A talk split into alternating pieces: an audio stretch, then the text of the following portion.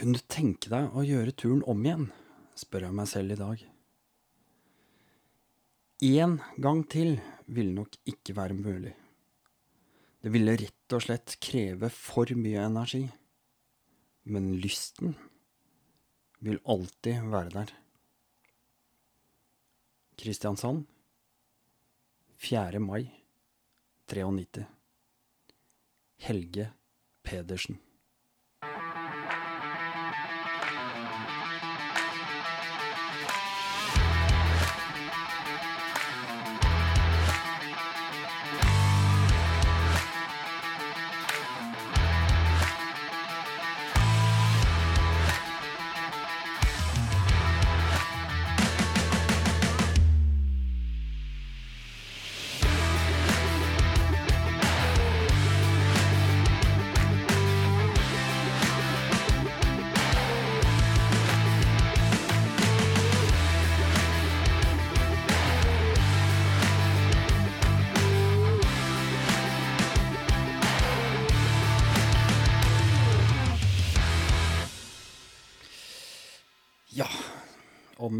Med dere, eh, så ønsker jeg dere hjertelig velkommen tilbake til eh, Rally Nord podkast. Dette har og blir en episode som jeg eh, har drømt om helt siden eh, Helt siden egentlig podkast kom inn i hodet på meg. Eh, dette er eh, faktisk en kar som, som har på en måte hatt en plass eh, helt siden jeg var eh, 18 år gammel. Men det skal vi komme tilbake til, for nå skal vi faktisk eh, ringe eh, over there, altså over dammen. Eh, og dere har jo allerede skjønt hvem vi skal snakke med, og nå er jeg fryktelig spent. Jeg, som, jeg har vært sånn har en eller annen sånn slags æresfrykt denne gangen. Som jeg aldri har kjent på før. Eh, og det Jeg får bare håpe at eh, vedkommende klarer å holde meg i hånda og geleide meg gjennom eh, denne praten, fordi Ja. Nå er det så mange spørsmål, og det er så mange ting. Det er dessverre sikkert sånn at jeg kommer til å uteglemme noe, og så ja. Det, vi får bare ta det som det er. Nå gleder jeg meg, og det håper jeg du gjør også. Nå ringer vi dagens gjest.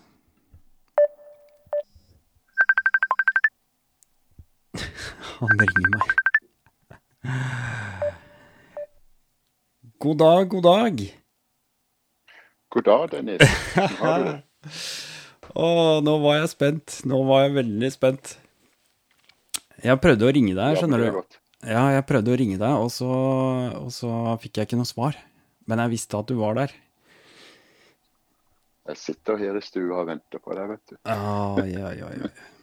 Du, Da kan du eh, høre meg greit, da går det fint med lyden og sånn. veldig bra lyd. Eh, veldig bra lyd. Og det, det er jo litt gøy, fordi um, nå må vi jo Jeg sa bare at jeg skulle ringe over dammen. Hvem er det vi snakker med? Jeg heter Helge Pedersen, og jeg kommer fra Kristiansand, men jeg bor over dammen. Riktig.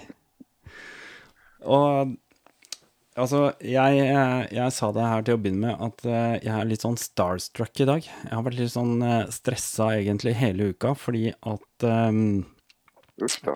Ja, det, nei, det det er jo ikke sånn. Dette er jo bare positivt. Men, og det er litt ålreit at man kan føle på de følelsene der. Jeg, jeg skrev til deg, Helge Pettersen, fordi at eh, i den, eh, det lille året jeg har drevet med podkast, så har liksom eh, du vært en av de eh, som jeg har hatt ønske om å kontakte. Og grunnen til det er at eh, siden jeg var eh, 18 år, eh, så møtte jeg deg. Det vil si, jeg møtte deg. Jeg, jeg så, du kommer ikke til å huske meg. Men eh, jeg var 18 år i eh, 94, Ja vel. og i eh, okay. 1994-95 så var du ute en liten runde og lanserte boka di. Det stemmer. Den Ja, ja, heter eh, 'Ti år på to hjul'. Ja. Ehm, og jeg ehm, eh, Jeg var da i militæret, så jeg var eh, stasjonert i eh, Tromsø. Å ja, OK. Eh, og du var innom Olavsvern i Tromsø. Ja. Og der hadde du et foredrag. Og så hadde du eh, med deg eh, Selvfølgelig hadde jo eh, bildeframviser, og den gangen det var eh, hvitt lerret osv. osv. Og så husker jeg du hadde med deg en bunke med bøker, og fattigslig som jeg var i militæret da, så sto jeg der jeg, Og det var sånn Jeg hadde så lyst på den boka, men jeg hadde ikke råd. Den kosta 200 kroner, og det husker jeg så godt. Ja, ja, ja. ja. Men um, du, um, den boka den har jeg klart å få tak i senere. Uh, I en norsk utgave.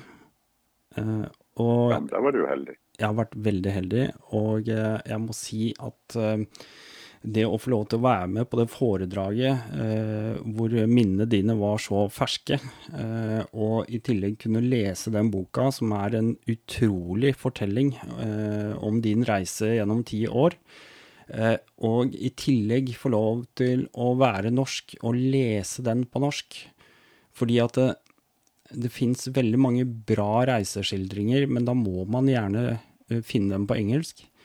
Eh, men dette her er altså så godt skrevet og så godt fortalt eh, at, det, at det er veldig sånn gripende. Det er noe spesielt ved å lese den her boka på norsk, tenker jeg da. Ja, tusen takk for det. Ja. Men eh, det, det er jo Det er mye, mye jeg har lyst til å prate om, men det er ikke alt vi kan få til. Eh, Jeg vil gjerne at eh, hvis, hvis, du, hvis du forteller litt grann om begynnelsen Du Ja, vokste jo opp kan i. Kristiansand, selvfølgelig. Ja. Made in Kristiansand, Ja. som de sier. Nei, eh, jeg er født i 1955, bare Ja. få det ut av veien. Jeg er seks og, jeg, om en få dager så blir jeg 67. Ja. Og det, det er en litt rar følelse å sitte sånn, for jeg mista faren min når han var 61. Jeg husker siste, siste gang jeg så han. Ja. Da jobba jeg oppe i Lakselv. Ja. Og da tenkte jeg jøss, så gammel han er. Så jeg sitter her og tenker på jøss, jeg er så gammel, jeg føler meg ikke sånn. nå. Nei. for når jeg vokste opp i Kristiansand, så var jeg veldig heldig å komme fra sånn en familie og eh, plass, kan du si. Det var veldig mye uteliv jeg var med på. Mm. Jeg var med i Speideren. og eh, på den måten så lærte jeg veldig mye å ta vare på meg selv og klare meg sjøl ut på, på skogen og hvor enn jeg reiste. Mm. Og så fort fremover så fikk jeg utdannelse eh, som eh, teknisk fotograf gjennom Luftforsvaret.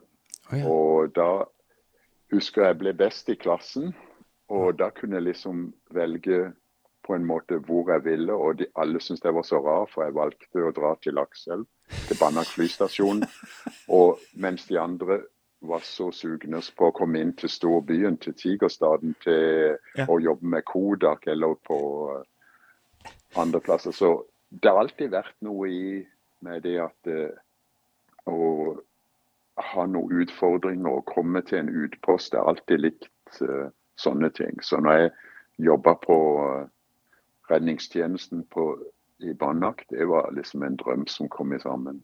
Mm. Og da Ja, det var, det var det liksom det som Det var liksom den korte historien på det. Åssen jeg kom frem til å bli voksen, og så fant jeg ut at jeg skulle ut og reise litt med motorsykkel. Ja. For du, eh, eh, får jeg spørre, teknisk fotograf i militæret, var det sånn eh, Hva gjør man da? Jo, det man lærer da For det første så var skolen på Kjevik i Kristiansand, så det var ganske Ah. grei plass å være på. Mm. Og jeg, alltid, jeg sleit alltid på skolen. Jeg likte ikke alt som hadde med liksom uh, huske bibelvers eller uh, et eller annet som, måtte bare, som ikke hadde noe mening for meg. Men når det, hadde, når det var noe som var liksom mer praktisk anlagt, så gjorde jeg det veldig bra. Mm. Så sløydtimen, ikke sant. Og uh, det som var det mer praktiske, det likte jeg. Så når jeg kom på den skolen, så lærte vi om å fremkalle filmer, ta bilder. Mm. Du må huske på at dette her er en Ja. ja, 19, på midten av 1970-tallet. Ja. Altså 5-76. Ja. Så det var ikke noe som var digitalt i det hele tatt på den tida. Nei, nei. Iallfall ikke som vanlige folk kjente til. Men uh, så lærte hun hva en linse var, og hva en blenderåpning og, en, uh, og alt dette her. Så jeg fikk grunnlaget der. Mm. Og meninga og målet med hele greia, det var altså å kunne fremkalle film som uh, og ta bilder, tekniske bilder. da. Mm. Det var ikke så mye på det kunstneriske, kan du si, det estetiske. Det var mer det tekniske. Mm. Og det var for meg var veldig fin bakgrunn. Jeg trivdes utrolig godt. Og det var Mm. for første gang i mitt liv kom jeg ut som den beste i klassen. Det var liksom, det var Du måtte jake meg ut av skolerommet. Så jeg trivdes godt. Ja, det, Og da jeg kom opp til Banak eh, flystasjonen oppe i Lakselv, Ja. så fikk jeg mitt lite eh, plass med eh, Jeg var den eneste pluss en assistent. og eh, fremkalle filmer og ut og ta bilder og fly Sea King-helikopter opp til Svalbard, Bjørnøya og, veldig mye artige, spennende oppdrag. Mye bedre enn å være i Oslo, det er nå helt sikkert. Oh, ja. alt, alt er nok bedre enn å være i Oslo. Selv om jeg sitter i Oslo selv og kommer fra Tigerstaden selv, så, så er jeg helt enig. Um, det, er, eh, det, er, det, det er en veldig fin eh, innledning, akkurat dette med fotografi, selv om det virker veldig fjernt ifra uh, din historie. Men det her kommer jo til å være egentlig grunnlaget for hvordan du kan uh, fø deg opp igjennom. Er, ikke, er det riktig å si det? Ja, jeg tror det er veldig riktig å si det. Og for å knytte det litt sammen, vi har ikke nevnt noe om motorsykkel til nå, men jeg hadde, når jeg vokste opp i Kristiansand, eh, som jeg sa, speideren var veldig eh, viktig for meg. Der hadde jeg mye gode venner, men jeg hadde andre venner også. Og en av disse her, eh, ja det var en familie, kan du si, Bang-familien. Mm. Eh, Det var Agnar, som var, ble veldig god venn. Eh, Og så kom broren hans, sin Pelle, Per Ola Bang, inn i bildet. Og han var liksom motorsyklisten da. Og, eh, og han introduserte meg. altså, Så jeg husker jeg fikk en, BMW. Yes, gutten var gud til meg. altså Det var sånn Ja. yes, en BMW! Hvordan får du råd til det? Og så fint dette var. Men, og jeg fikk en Suzuki eh, 500 TT. Ja. eh, sånn to sylindere greier når jeg gikk på skolen på Kjevik. Mm. Og jeg husker første turen jeg trodde jeg skulle Jeg skulle egentlig sikkert ha drept meg sjøl, for jeg hadde ikke peiling på hva jeg gjorde for noe. og det Nei, det er sant jeg tenker tilbake på det. Jeg var virkelig heldig et par ganger der. Jeg husker det var uff. Eh, Men eh, det var sånn jeg kom inn til dette her. Jeg må si jeg gir mye skryt til eh, Per Ola Bang, Pelle, Mm. for å hjelpe meg gjennom de tidene. Og etter jeg var ferdig i militæret oppe i, i Lakselv, Ja. da hjalp han meg å sette opp BMW-en som jeg endte med å kjøre jorda rundt med. Men da jeg bodde i Lakselv, så hadde jeg motorsykkel Mm. og snømobil. Jeg hadde aldri bil før jeg kom til Amerika mange, mange år senere. Nei. Så det var sånn jeg klarte meg. Og da kjørte jeg fra Lakselv ned til eh, Sørlandet for å være på ferie og se familie og sånn. Og så kjørte jeg opp gjennom, gjennom Sverige og Finland bare for å kunne gjøre det fort. da. Ja. Og det, det var jo uansett en tid hvor veiene ikke var så gode som de er i dag. Så uansett om man tok en rask vei på den tida, så hadde man en helt annen opplevelse av den turen enn det man ville hatt i dag, antagelig. Å ja. Jeg, har, jeg kunne gå og fortelle deg veldig mange historier om f.eks. i Rovaniemi når hjulet låste seg opp på BMW-en, for jeg hadde oh. en BMW da. og oh. sto fast der, og så kom det en finn, finne og hjalp meg, og de ble gode venner for livet. ja. Nei, det, det, det, det er det som er det fine med motorsykkelkjøringa. Det så jeg veldig tidlig, at det, var ikke bare det der, det å føle vinden rundt dørene og, og, være fri. Men det var det å treffe folk. Folk hadde en helt annen måte å forestille seg til det når du kom på et bordhjul. Altså, du hadde ikke gjemt deg inn i en liten boks med vinduer på. Du var der. Hva du ser, det er hva du får. Ja. Mm. Det er mange som spør meg litt om det der. Altså, ja, jeg, jeg, innrømmer gjerne det at jeg har brukt mye penger på, på, motorsykkel opp igjennom. Og det er klart at hadde jeg spart alle de pengene på en konto, så, så kan jeg tenke meg at det hadde vært mye. Men det, det, det, er liksom, det er lettere for meg å forsvare å bruke penger på en motorsykkel enn f.eks. på en bil. da. Fordi at uh, en motorsykkel den gir en så fullverdig pakke av et helt liv det er en opplevelse, det er et samhold, det er et møte med andre mennesker, og det er liksom eh, den friheten det gir. Og den er jo absolutt verdt å bruke penger på, tenker jeg da.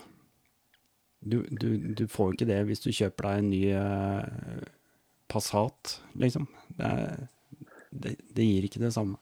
Det gir ikke mening. Nei, det var én ting jeg lærte tidlig, og så har jeg lyst til å, å introdusere det til et annet navn. sånn Morten Mager. Ja, ja. importerte Motogus opp gjennom tidene. Har vært eh, med trial, med beta og alt dette. Ja. Men han bodde ikke langt fra der jeg bodde i uh, Kristiansand. Oh, ja. Og det var liksom der jeg var, jeg var helt ny. Jeg hadde ikke peiling på noe som helst. Og da dro jeg bort på butikken, men alt var jo så dyrt. vet du. du som du sa når du var i militæret, ja. du hadde ikke mye penger. Ja. Uh, så når jeg skulle kjøpe noe Men jeg husker han, han sa noe til meg uh, en gang som har sittet med meg veldig lenge. Det har vært at når kom, Vi prata om hjelm.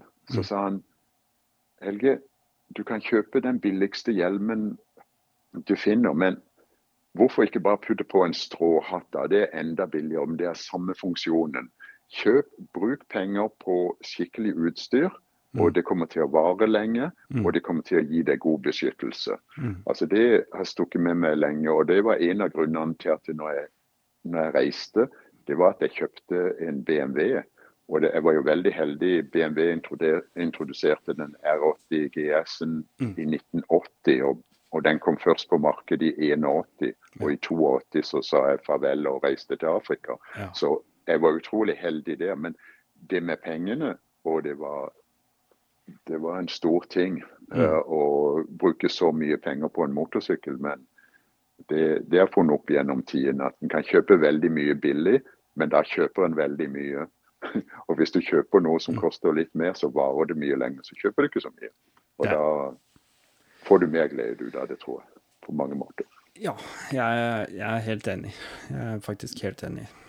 Uh, BMW har også vært uh, veldig sånn hjertenært for meg uh, i mange år, altså. Jeg har også kjørt R100 GS-er og GS Paris Dakar og ja, 1150 og 1200 og ja, i det hele tatt.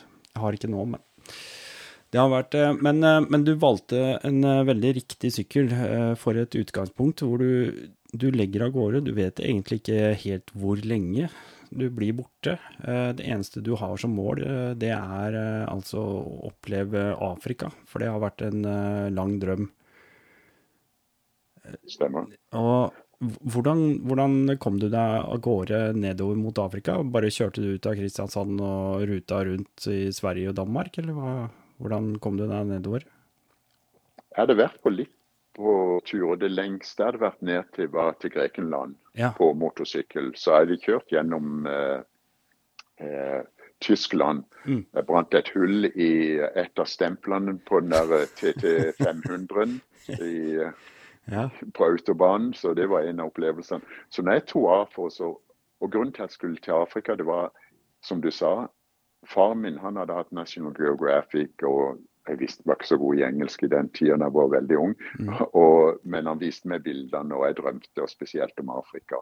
Og da var det en venn av meg som jobba i Kenya, Tore Smestad.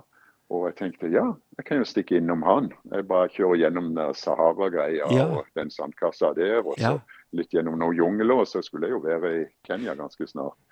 Så det var liksom mål og mening. Men og så må du også de, hele tida må du tenke nå dette her var ikke noe e-post, det var ikke noe internett. Nei. Så alt det gikk på at jeg gikk på kiosken og kjøpte motorrad, eller fikk det fra noen venner som eh, var enten i Tyskland eller og Spesielt motorrad var veldig bra å få. Det var det beste motorsykkelbladet du kunne få. Mm. Og der så jeg at det var en type som kaltes for Bernd Tesch i Aachen i Tyskland. Så jeg fant ut jeg måtte innom der, for han hadde var den eneste som lagde Jeg tror det var ulovlig hva han gjorde, egentlig. Lagde blå kopier av Michelin-kartet for Vest-Afrika. Og det var liksom hva jeg forsto fra disse artiklene, at det, det, var det eneste du måtte ha for å komme gjennom Sahara. Hvis du hadde det, så skulle du klare det. Ja. Og det gjorde jeg. Jeg drar innom der. Og så plukka jeg noen druer ned i Sveits uh, for å lære litt fransk, for alt av Vest-Afrika er fransk. Og jeg var aldri noe god i språk og likte ikke det på skolen og sånn. Men det var litt annerledes når du var sammen med ungdom og plukka druer og drakk litt vin og lærte litt fransk. Så etterpå det så dro jeg ned til Marokko og, Mm. og videre. Det var sånn det begynte, i 1982. To danske ferger til Hirtshals og Ja. nedover. Jeg, jeg, jeg prøvde, tenkte jeg skulle bla gjennom eh, denne boka litt på forhånd og, og gjøre litt sånn grundig research, men det er jo så mye jeg kunne spurt om. Eh, Men, men eh, etter hvert som denne turen nedover i Afrika åpner seg for deg, så begynner det å dukke opp at du realiserer at du, du har jo slett ikke lyst til å dra hjem etter det. Du har bare lyst til å fortsette. Ja, altså det Jeg tror det gir Mange folk spør meg nå om dagen eh, hvor mye penger trenger altså å dra jorda rundt. Er det 2300 dollar i den tida. Jeg husker ikke hvor mye det var i kroner i den tida, men det er det liksom som sitter i hodet mitt, for det har jeg sagt så mange ganger og svart så Ja. mange ganger på spørsmål. Så det blir rundt omkring det på, i 1982, må du huske. Ja. Så ja, det var mye penger, men det var ikke mye for oss å klare oss å leve i to år på det. Og jeg visste ikke hvor lenge jeg skulle være borte, så det var liksom Jeg måtte se hvordan dette her går. Og jeg hadde lyst til å komme meg ned til Sør-Afrika, og det gjorde jeg. Det tok litt over åtte måneder, det var 28 000 km. Mm. Og må huske, da var det apartheid var i full sving. Eh, når jeg dro på bensinstasjonen, så var det ei luke for eh, sorte folk og eh, hvite folk. Så white only sto det på entrancen. Mm. Og, og sånn. Det var en helt merkelig Mm. uh, opplevelse. Og jeg husker jeg var i Cape Town, og Uh, Nelson Mandela, som senere ble president i landet, satt ute på Robin Island i fengsel hvor han hadde vært jeg tror det var nærmere 30 år. eller noe sånt. Ja. Så, og se, siden så har jeg vært der på sightseeing når vi mange mange, mange år senere, når det ble et museum. da. Så det, det er litt interessant altså, å oppleve dette her. Og en annen ting som jeg kan slenge inn også i beskrivelsen av dette. Jeg husker det var en venn av meg, han var så sint på meg at jeg skulle dra til Sør-Afrika og så støtte apartheid. Og Det var noe som satt med meg veldig, for jeg var veldig politisk interessert. Jeg var interessert i religion. Eh, Jeg er ikke religiøs person, men jeg har veldig respekt for forskjellige religioner og er interessert i bakgrunnen og sånn for dette. Og det så jeg veldig mye under reisa. Og det som konklusjonen var for min følelse overfor han var veldig gode venner med, meg, veldig nær venner med, som eh, var oppsatt. Og det var godt å reise til Sør-Afrika og, så- og vite at det var noen som tenkte på den måten. For hva er, hva er bedre enn å gå til en plass som du er uenig i regimet eller hva det er for noe, og så se for deg sjøl. Mm. Der traff jeg motorsyklister, akkurat som meg. Jeg, jeg fikk eh, prisen for lengst kjørte deltaker på East London eh, BMW-treff. Ja. De var litt forskrekka når jeg kom fra Kristiansand, for det var en annen fra Europa som trodde at han fikk premien. Så fant de ut at jeg bodde lenger nord, og jeg syntes så synd på han, for han var liksom kjent i nabolaget der jeg plutselig dukka opp. Men uansett, altså bare det å se hvordan hvite var, og jeg var en, en som kom utenifra, og så jeg traff svarte folk, folk eh, og bodde hos de, og eh, de tok meg inn pga. at de forsto jeg var ikke en av de som bodde, var fra Sør-Afrika. Jeg var en utenfor. Så jeg fikk se det fra begge sider, så nøytralt som det mulig kunne, kunne være på den tida. Mm. Så det for meg var veldig interessant å kunne skrive om dette. For det var jo det jeg tjente penger på når jeg reiste nå. Det var altså å skrive, lage artikler til uh, ja, MC Nytt begynte det med, og så ble det Bike, og så ble det MC-avisa etter hvert, og, Mm. og sånt. Ja, for du eh, hele tiden underveis så skrev du dagbok, gjorde du det? Ja, jeg skrev dagbok, men jeg sendte også Mm. artikler. Så Ja, ja. det, det var en av de store utfordringene. Det var så fremkalle film. Ja. Ikke sant? Ikke noe Ja. digitalt, det var alt slidesfilm. Ja. Og det var en, liksom en, en test, for jeg kunne fått fremkalt mange plasser, men de mange plasser hadde de sikkert ødelagt filmen òg. Men Ja. pga. at jeg hadde bakgrunn som fotograf, Ja. så visste jeg hva jeg skulle se etter. Så jeg fant de riktige plassene. Men det tok litt arbeid, men det var mange ganger interessant. Ja. Og da jeg, satt jeg i teltet mitt, eller gikk inn på et lokalt bibliotek med et skrujern og en sånn en eh, Jeg vet ikke hva du kaller det, sånn eh, print ribbon. Altså sånn et eh, Den der eh, som farven kommer fra på en sånn mekanisk eh, skrivemaskin. Eh, Det var sånn et, eh, et blå bånd. Oh, ja. ja. Uansett, så Mm. jeg måtte liksom ha det for å få skrevet noe. Mm. Og da klippet jeg ut hvert originalt eh, slidebilde, la i en konvolutt i sammen med en enten håndskreven eller skrevet på uh, skrivemaskin. Sendte det med vanlig post Ja. til Bike, og så sendte de penger til min venn Ulf Rune Olsen i Kristiansand, som Ja. satte pengene inn på banken, og så fikk jeg pengene ut gjennom visakortet. Ja. Og det er jo så, sånn det er veldig artig, fordi at eh, du, du opplever det her da i en tid hvor eh, eh, hvor digitale medier ikke er eh, oppfunnet ennå, egentlig. Ja. Eh, det er en tid uten Instagram, YouTube, eh, altså TV overalt eh, og sånne ting. Og, og det å sitte og få lov til å sitte og bla i en fysisk bok med papir og se bilder som du har tatt fra den tida, som jeg mener er fantastisk fine bilder, eh, det er, det er noe nostalgisk og trygt og godt med, med den følelsen, altså. Det er det. Eh, veldig mange vil jo gjerne gjøre seg kjent i dag med å, å poste ja, titalls bilder på, på en eller annen digital medieplattform hver dag. Eh, men det blir liksom ikke det samme. Men altså det, jeg har litt sånn følelser om hele det. For folk sier Jeg husker foreldrene mine, når vi kikk, så på de når jeg var ung. Så Mm. tenkte jeg jøss, de er så gamle. De liker ikke Beatles engang. Mm, mm. Når Beatles kom, så syntes jeg det var det kuleste, tøffeste. Og foreldrene mine de likte ikke det. Ja, ja. Og nå tenker jeg, er den gamle karen her som sitter og så kritiserer ungdommen i dag pga. at de bruker Instagram og TikTok og Mm. hva enn det heter, og alt dette her. Mm. Nei, på mange måter så har ikke lyst til å kritisere det heller, for det er bare en annen tid, så vi må se det sånn.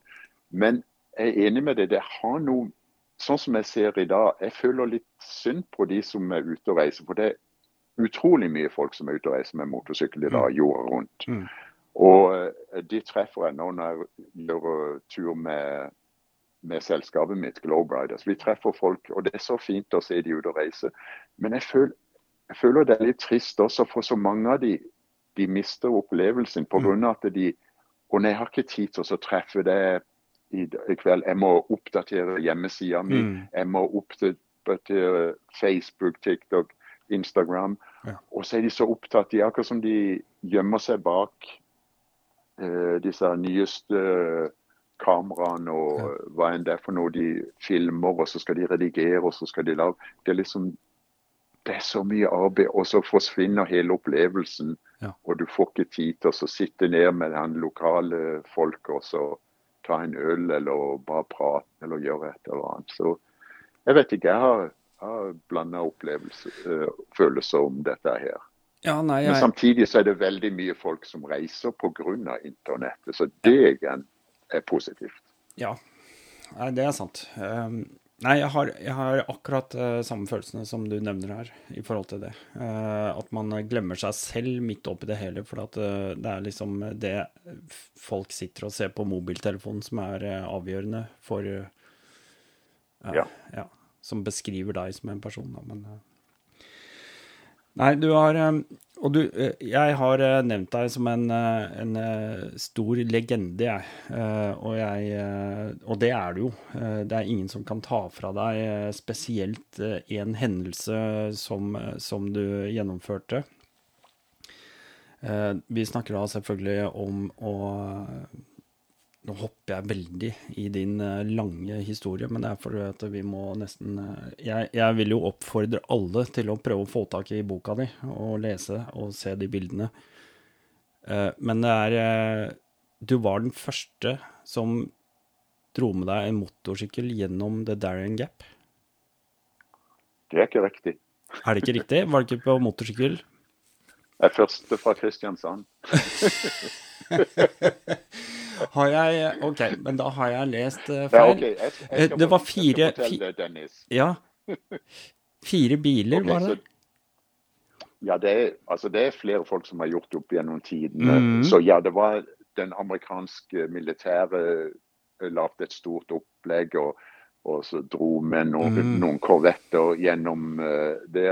Og, og, så var det Lipton Expedition fra Så så de som ikke som vet hva som er Darien Gap altså Hvis du drar Pan American Highway mm. fra Alaska ned til Buenos Aires Han går ja. ikke helt til bonden, faktisk. Pan American han stopper i Buenos Aires. Ja. Det er noe, mange som ikke heller vet. Men den eneste missing link, altså det eneste plass det ikke er noe vei, det er mellom Panama og Colombia. Ja. Så hvis du tenker på Nord-Amerika, Sentral-Amerika, og akkurat der som Sentral-Amerika kommer inn til Sør-Amerika eh, der det, det, uh, kommer de inn til Colombia, og det er et stykke inne i jungelen der som kalles for Darien Gap.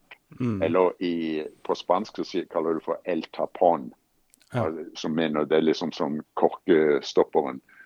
Og det, det grunnen er mangfoldig. Det er pga. munn- og klovsyke, og også, også pga drugs, altså mm. narkotikasmugling og alt sånt noe. Ja.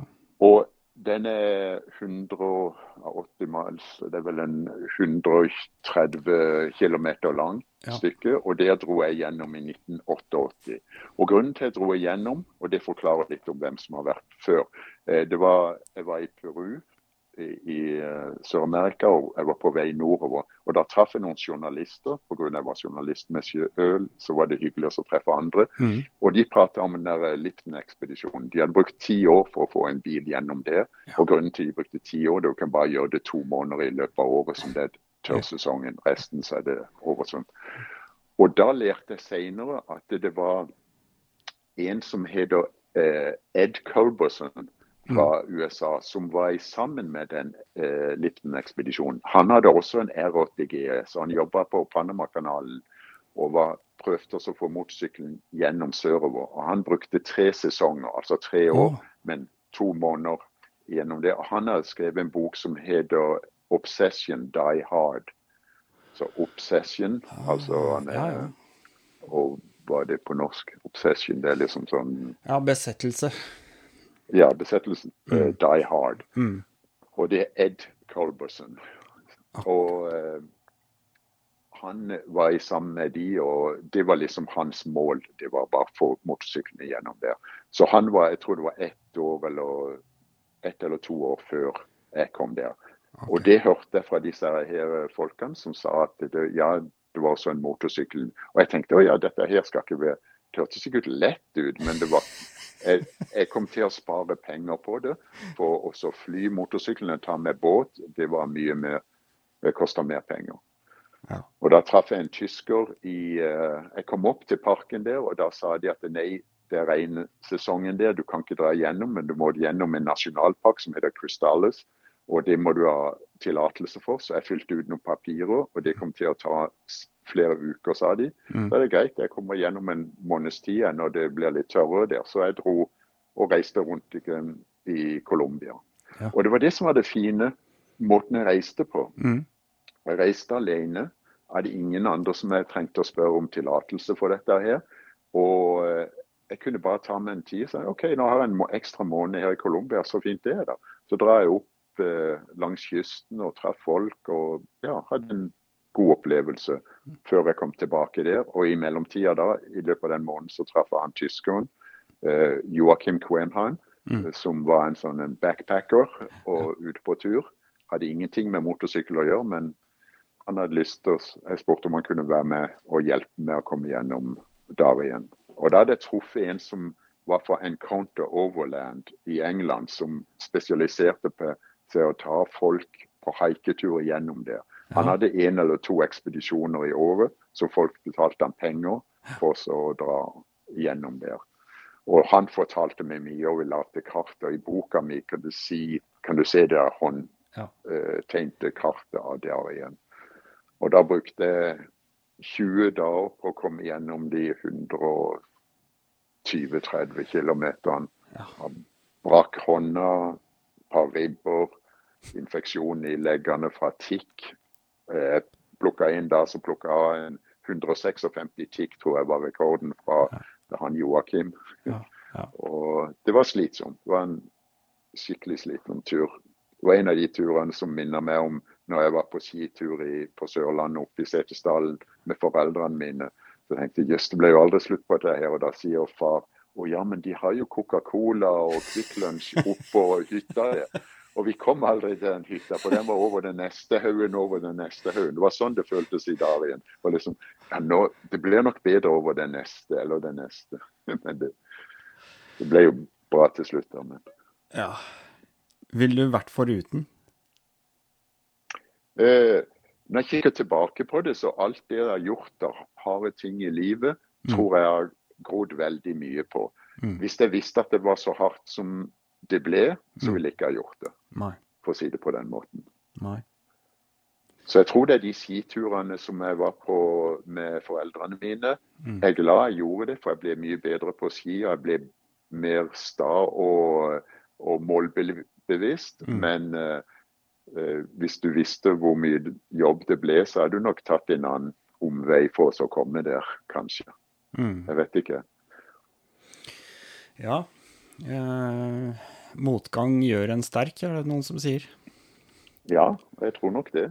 Men jeg, vet, jeg ser vet du, folk er spesielt nå med sosialt medie. Jeg føler så fælt for folk som skriver sånn på folk, folk, er så harde harske på det når de kritiserer og sånn noe. Og jeg lagde en video på YouTube eh, om den der igjen, Og det var liksom meninga var så å eh, løfte folk opp og gi dem litt eh hva skal vi si, selvtillit og litt eh, encouragement. Mm. Altså for oss å også å gjøre noe i livet. For å ikke bare sitte og si nei, dette her kan jeg ikke gjøre, dette her kan jeg ikke gjøre. Og det blir nok vanskelig. og nei, må ha mye penger for dette her og sånn.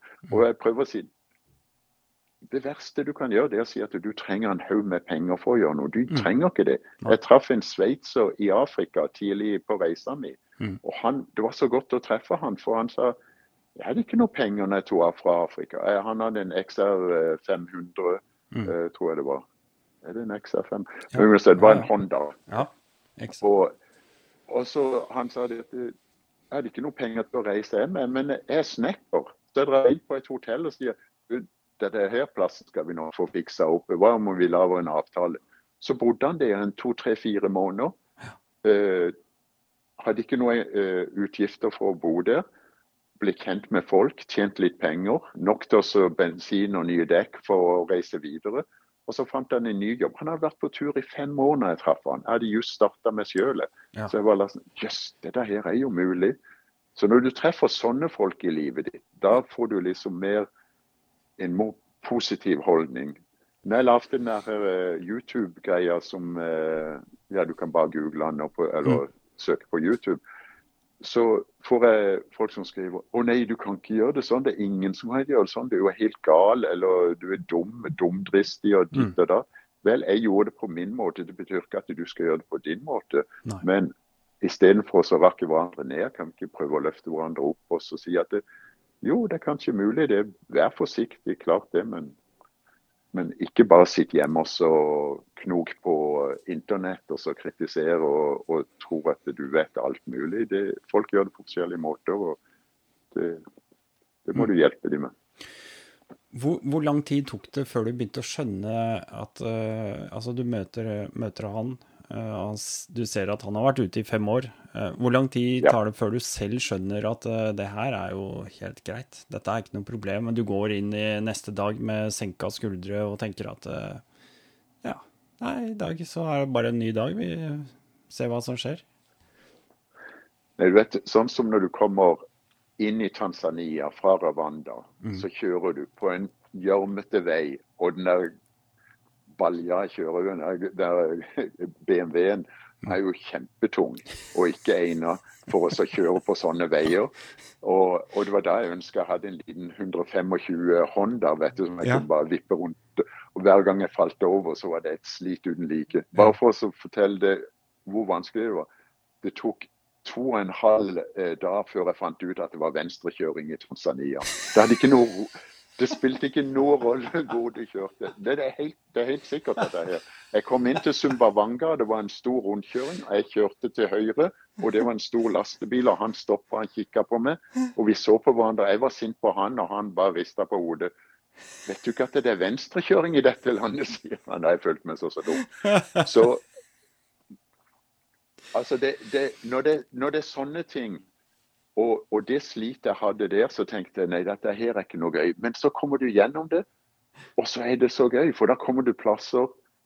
Og, og det å ha muligheten for å skrive om det, tjene penger på det, det var da jeg begynte å se var etter, Og så traff jeg jo en kristiansander i Malawi og så jobba med safari. Mm. liksom drømmen kom igjennom. Jeg var der i fire måneder med de, mm. og drev med safari og fikk se elefanter helt på nært hold og alt sånt. Mm. Altså det var På den tida, det var etter Jeg vil si etter jeg hadde klart å komme til Sør-Afrika og var fremdeles i live og følte at jeg var skikkelig i live. Mm. Altså Dette her var den drømmen kom. Da fant jeg ut at nei, det her, hvis det er mulig på noen måter å fortsette med dette, så har jeg lyst til å gjøre det. Mm. Så det, det, det, tok litt tid. sånn Sahara var tøft, altså. Det var, men de, jeg var 27 år gammel, og når du er 27 år, så har du mer energi og pågangsmot, tror jeg. Ja. Så, det, det, er klart. Yep. Um, jeg tenker da sånn um, Ja, nå falt det egentlig akkurat ut uh, det jeg skulle si, da. Men uh, men det som jeg syntes vi skulle gjøre, for sikkert, ja. vi har sikkert mye annet å prate om også, ja, ja. det at ikke sant, jeg, jeg, kom tilbake til Kristiansand etter to år. Mm. Og det, da hadde jeg liksom en sånn tankepause. Ja. Og da lurte Og når jeg kom tilbake, så følte jeg meg veldig enslig. For all, alle andre jeg prata med, Pelle inkludert, og Pelle Per Ola Bang, som jeg nevnte tidligere, som dere kanskje husker, han hjalp meg å bygge opp motorsykkelen min. Han jobba for Rotator Norway. altså de, de bygde og lager ting for oljeplattformer og sånn noe. Ja. Og han visste veldig mye om mekanikk og sånn, og lagde det eh, forsterka rammer på sykkelen min og sa når du flyr ti meter gjennom lufta Jeg bare kikka rart på han han sa det. Jeg har ikke noen planer om det, men eh, det var liksom bare sånn teori. Han er ingeniør. Og, og krasjer, så må noe gi. Det må alltid være en sikring i et system. Noe må gi etter. Du kan lande så sterkt du vil, men noe må gi på et punkt. Og mm. da sa han her er det tre 10 mm bolter. De er din fuse, din sikring ah. i dette systemet. Og de vil brekke av, og da faller sidekassene av. Ja. Og du bare tar med det ekstra dette her og sånn noe. Og alt det, dette hadde vi jobba så mye med, så forsvinner jeg fra hans bilde. Og jeg var kjempefornøyd med det han hadde gjort. Det, det fungerte bra. Jeg, hadde, jeg brakk kanskje en håndfull med 10 mm bolter mm. uh, hver gang jeg krasja, men det ødela ikke andre ting på sykkelen. Altså det var kassene, eller de store aluminiumsboksene uh, kom vekk fra motorsykkelen, og jeg bare fiksa de. Det tok et par timer. Mm. Unnskyld. Så når jeg kom tilbake, så føler jeg meg så ensom. For det var ingen andre som liksom jeg kunne sitte ned og prate om. Og som Det de pratet om, det var eh, barn og familie og huslån og sånn noe. Og det var ikke noe galt i det, men jeg var ikke innstilt på det sjøl. Jeg ville prate om mer eventyr, reiser og sånn. Så jeg begynte å kikke etter andre venner og traff noen som hadde vært ute og kjørt og sånn. Og, og det neste jeg vet, så var jeg på en båt med Will Wilhelmsen. Mm. Det tok 28 dager fra Oslo til Buenos Aires. Ja. Og det var min neste kapittel. da. Og da reiste jeg gjennom Sør-Amerika i tre år før jeg kom til Nord-Amerika, hvor jeg var eh, Jeg hadde vært borte fem år fra Norge før MC-avisa fløy meg hjem til MC-messa i Oslo. Ja. Eh, da var jeg hjemme i to måneder, og så reiste jeg tilbake igjen for å fortsette å gjøre siste kapittel av turen før jeg kom tilbake til Norge i 92. Så i løpet av ti år så hadde jeg vært hjemme to ganger i Norge. Ja. Ja, du, du, besvarte egentlig det spørsmålet som drukna for meg, og det var jo akkurat det. Når man har vært ute så lenge, eh, det der å, lande blant vanlige folk, det, det, det, er noen som Mange som har vært ute og reist, som skildrer det der at hvis du har vært ute mer enn tolv måneder, så er det nesten eh, ikke mulig å komme hjem igjen. Fordi man føler seg så ensom og misforstått, og man føler at alle har feil bilde av verden, og at det, at det er ja, tungt. Det, det, er mye, det, altså. Det er det. Mm. Og, men det som jeg lærte fra det også, det var bare det at jeg måtte Jeg trengte også å fortelle noe av historien min, og det hadde Jeg følte at jeg ville dele dette her. for når du ser på nyhetene til vanlig, mm. og det kan man kritisere en vei eller en annen. altså Jeg liker å se på nyhetene og lære om eh, ting, men jeg har også setter på noen andre briller med filteret på ja. nå om dagen. Pga. at jeg har vært ute og reist så mye. Ja. Så når jeg ser på dette, så forstår jeg at dette her jeg, mm. OK, et godt eksempel. Jeg var etter Darien Gap, som vi prata om, mm. her fra Colombia til Panama. Mm. Så satt jeg på Airbrooks Air Force Base, for de hadde Road Nights, uh, Roadrunner, mot, uh, no, Road Nights Motorcycle Club. Mm. Og jeg hadde truffet en motorsykkel sa oh, ja, her kan du være, for jeg hadde brukket hånda og et par ribber, så jeg måtte liksom slappe av for en stund. Og det gjorde jeg i en måneds tid. Og da, akkurat i det tidspunktet, det var 1988, mm. eh, da var det Noriega-krisa. Og da var det rett og slett en liten krig nede i uh, Panama City.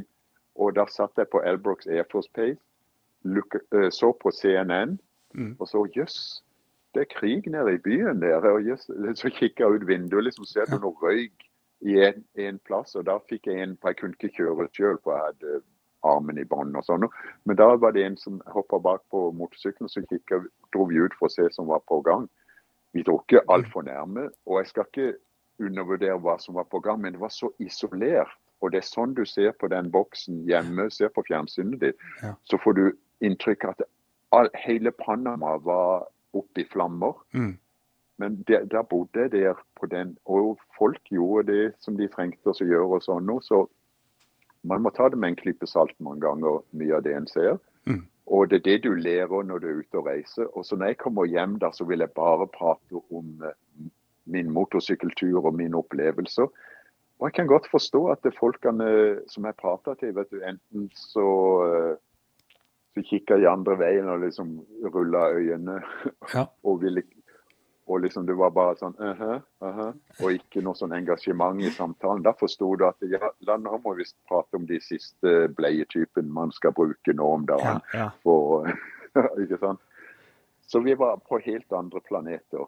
Og det måtte en bare innstille seg på. Ble, det ble greit på en måte, men måten jeg hadde fått med ut av systemet mitt, var å skrive om det da. Mm. Og så lagde jeg foredrag og skrive boka. Det var en fin måte å avslutte turen min på, og så få det ut av systemet mitt, tror jeg. Det hjalp ja. godt. Ja, det tror jeg du har, du har rydda godt i både følelser og historien og, og, tanker underveis på den måten. Ja. Mm. ja.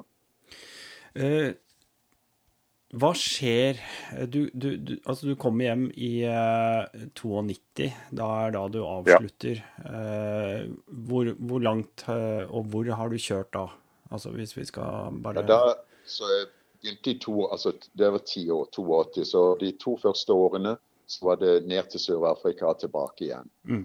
Og eh, ikke samme veien, men altså det var ned Ja. Vest-Afrika, opp Øst-Afrika, og gjennom Saudi-Arabia og opp gjennom eh, eh, Jordan, Syria Mm. og Tyrkia og tilbake til Norge. Mm. Så fikk jeg en jobb på en båt over til Buenos Aires, ned til Tierra del Fuego, Ushuaia, som er verdens sørligste eh, by. Mm. Og jobba litt der og sånn. Og brukte nesten tre år på å reise omkring i Sør-Amerika før jeg dro gjennom eh, Darien Gap, som vi prata om, Mm. opp gjennom eh, Sentral-Amerika. Mm. Og Nicaragua var, det var krig i Nicaragua med sandanistas og alt dette her på gang, så det fikk jeg oppleve det også på nært hold. Mm. Og opp til eh, California. Og det var litt interessant når jeg kom til California, for jeg var sånn utvekslingsstudent når jeg gikk på gymnaset på Oddernes gymnas i Kristiansand Ja. så ble jeg valgt til å reise ett år og så bo hos en sånn utviklingsstudentfamilie. Eh, Og jeg endte opp eh, med en eh, familie som hadde en fotoshop, eh, Rockies Camera Store, i, i Glendale Ja. i Los Angeles.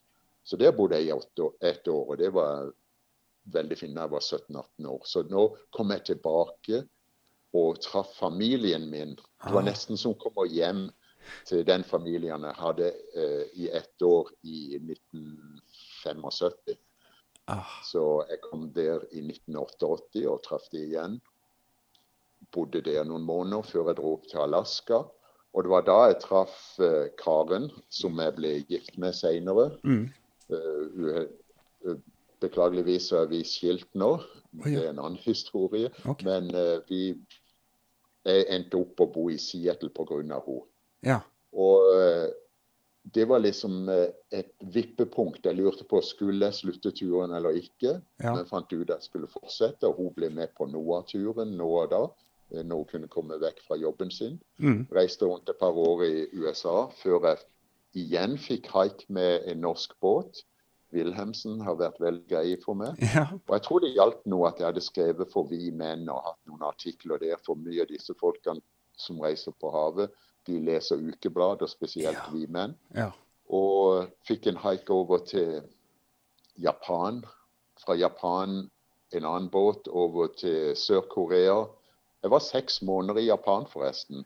Oi. Det var veldig dyrt, men da fikk jeg en jobb med et uh, motorsykkelblad som heter Motorsyklismo, uh, som ikke er relatert til det amerikanske, men det var selvstendig. Og da skrev jeg hver måned i de seks månedene jeg var der, en historie som kaltes for uh, Japan seen with blue eyes. Altså Ah. en Japan sett med blå øyne.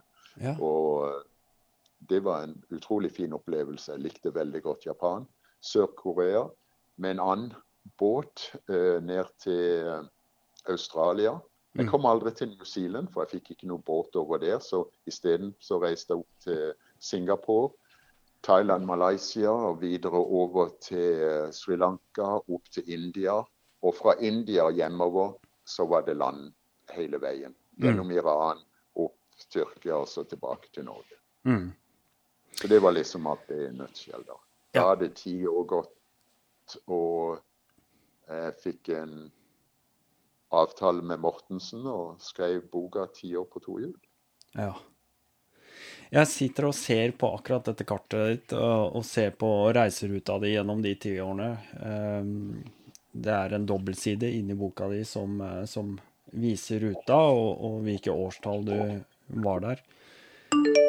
Uh, Russland og, og den delen der, der var du ikke innom. Tenkte du noen gang at du hadde lyst til å dra dit?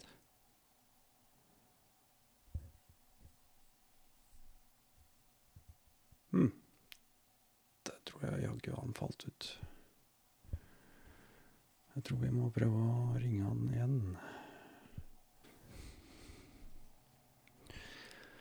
Ja, det ser ut som jeg mista tråden med Helge Så får jeg bare prøve å få tak i han igjen, da. Men um, det passer jo nesten bra, det, da. For da kan vi jo egentlig bare ta den der eh, vanlige runden igjen.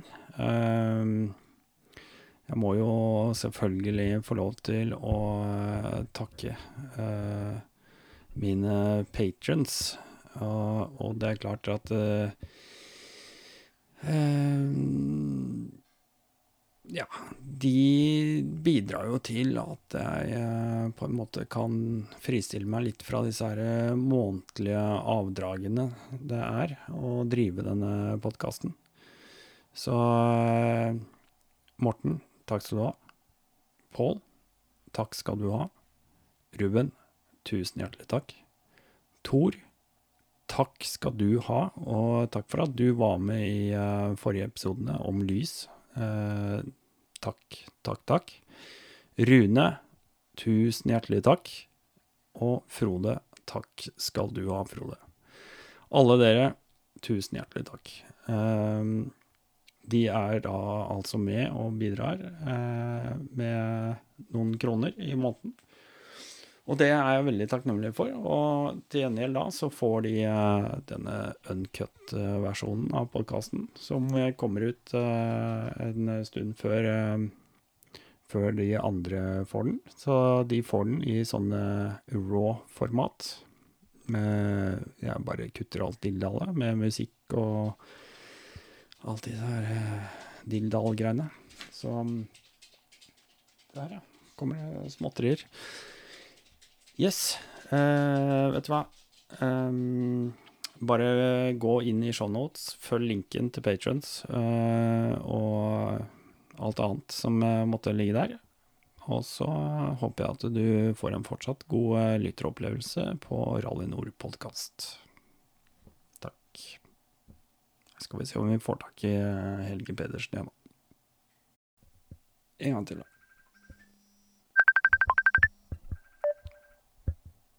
Der var vi tilbake, vet du. Hører du meg, Helge? Hallo?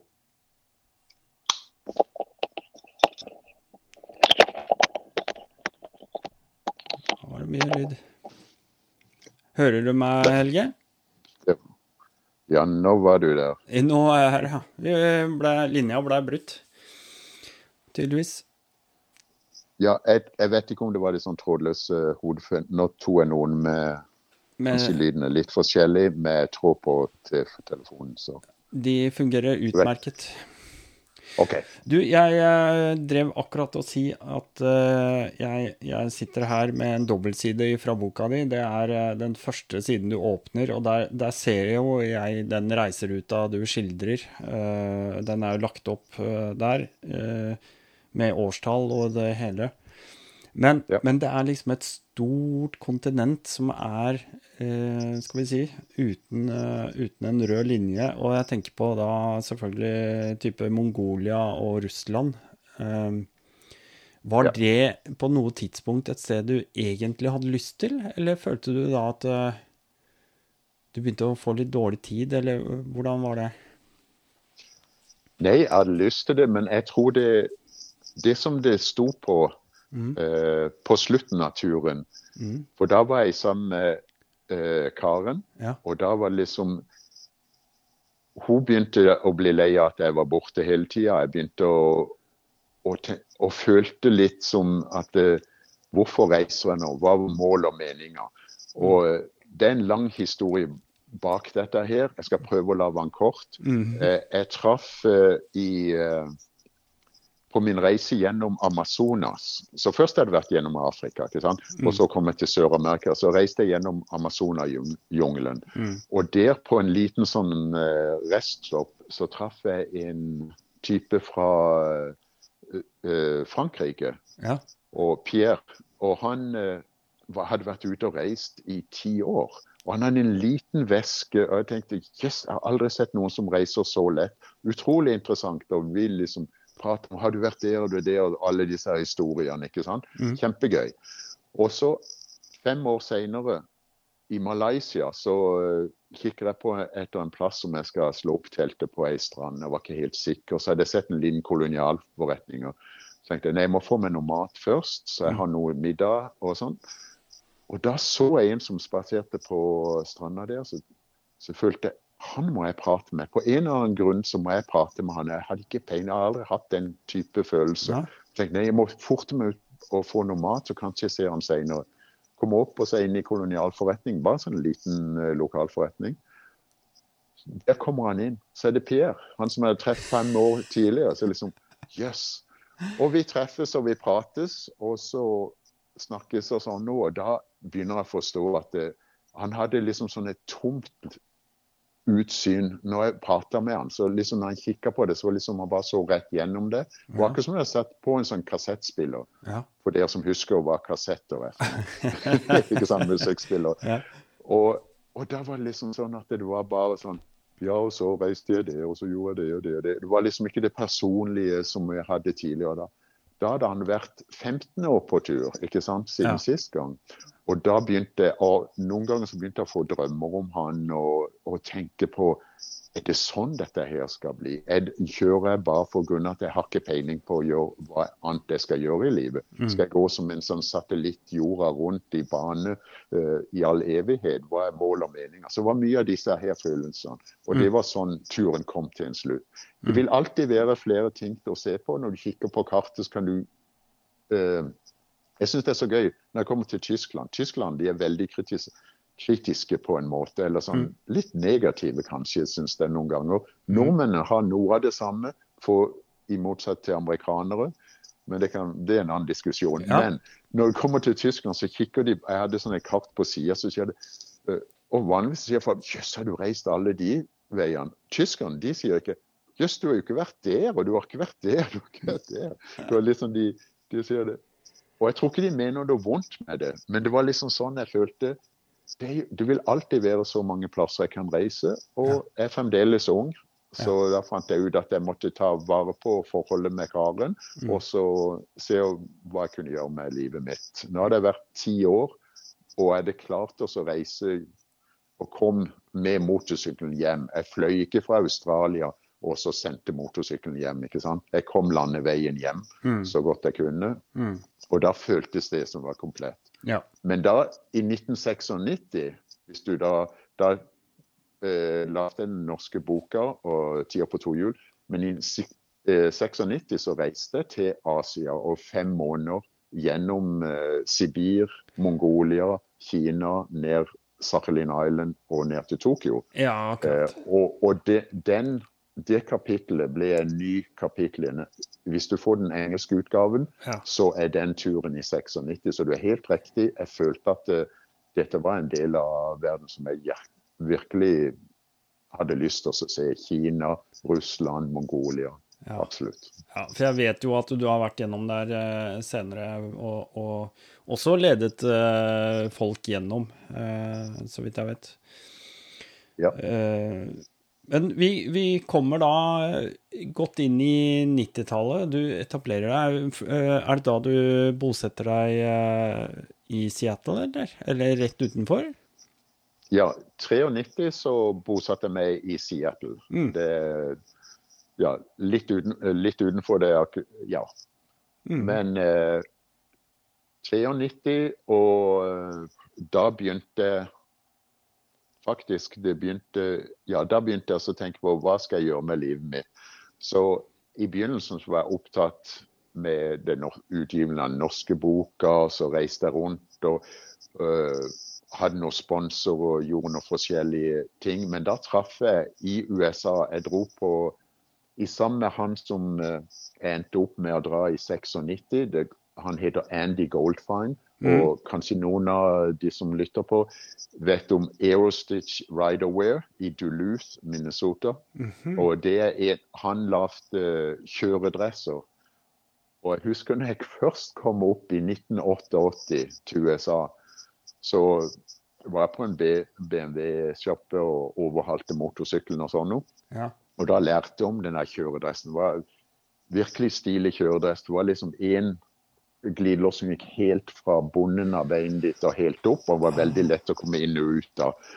Og så skrev jeg til han, så sendte jeg hei, jeg kjører på motorsykkel og jeg, jeg trenger en ny kjøredress. Var du interessert i å sponse meg? Bla, bla, bla. Fikk jeg tilbake et brev. Og så, fremdeles dette brevet, det var ikke noe internett akkurat da. Nei. I 88. Og så sier han det.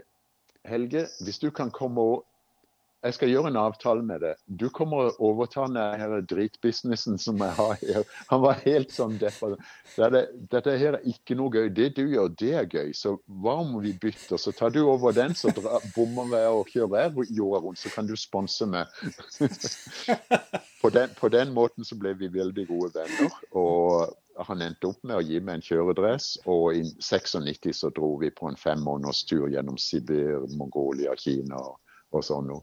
Så det var sånn jeg fikk eh, eh, kan du si, noe kontakt med og eh, sponsorer og fant ut den måten å leve på. Så, og så traff jeg også samtidig med Andy, som mm. han heter, han som hadde kjøredressene, Andy Goldfang, eh, var vi på Goldwing Rally. Det var kalt uh, Wingding Rally. Det var, der var det 5000 Goldwinger. Oi. Kan du tenke deg? Og det var ikke akkurat min stil å reise på. Jeg kritiserer ikke Goldwingen, det er bare fin motorsykkel for de som liker det. Men det var ikke min stil, det var ikke noe å dra gjennom Sahara med. Nei, nei. Og, og da, der traff jeg en enslig kar som satt i en bod og så solgte motorsykkelturer. Ja. Så han var turoperator, og, og jeg ble veldig god vi traff han, vi prata med han, ble veldig gode venner med Skip Mascoro fra Pancho Panchovia Motortours. Han inviterte meg til å bli og hjelpe å være guide. Ja. Jeg endte opp å hjelpe han å være guide på flere turer i Sør-Amerika og Sentral-Amerika. Mm. Og på den måten fant jeg ut at det her det er kanskje en måte å leve på. Eh, for det som han gjorde, vi kjørte ikke en lang tur etter hverandre med ledere som Donald Duck-team. Han sa det om morgenen så tar vi og reiser, så treffes vi på hotellet i kveld. Han ga kart og alt mulig sånn noe så reiste folk individuelt. Og det var det som var det attraktive for meg. Mm.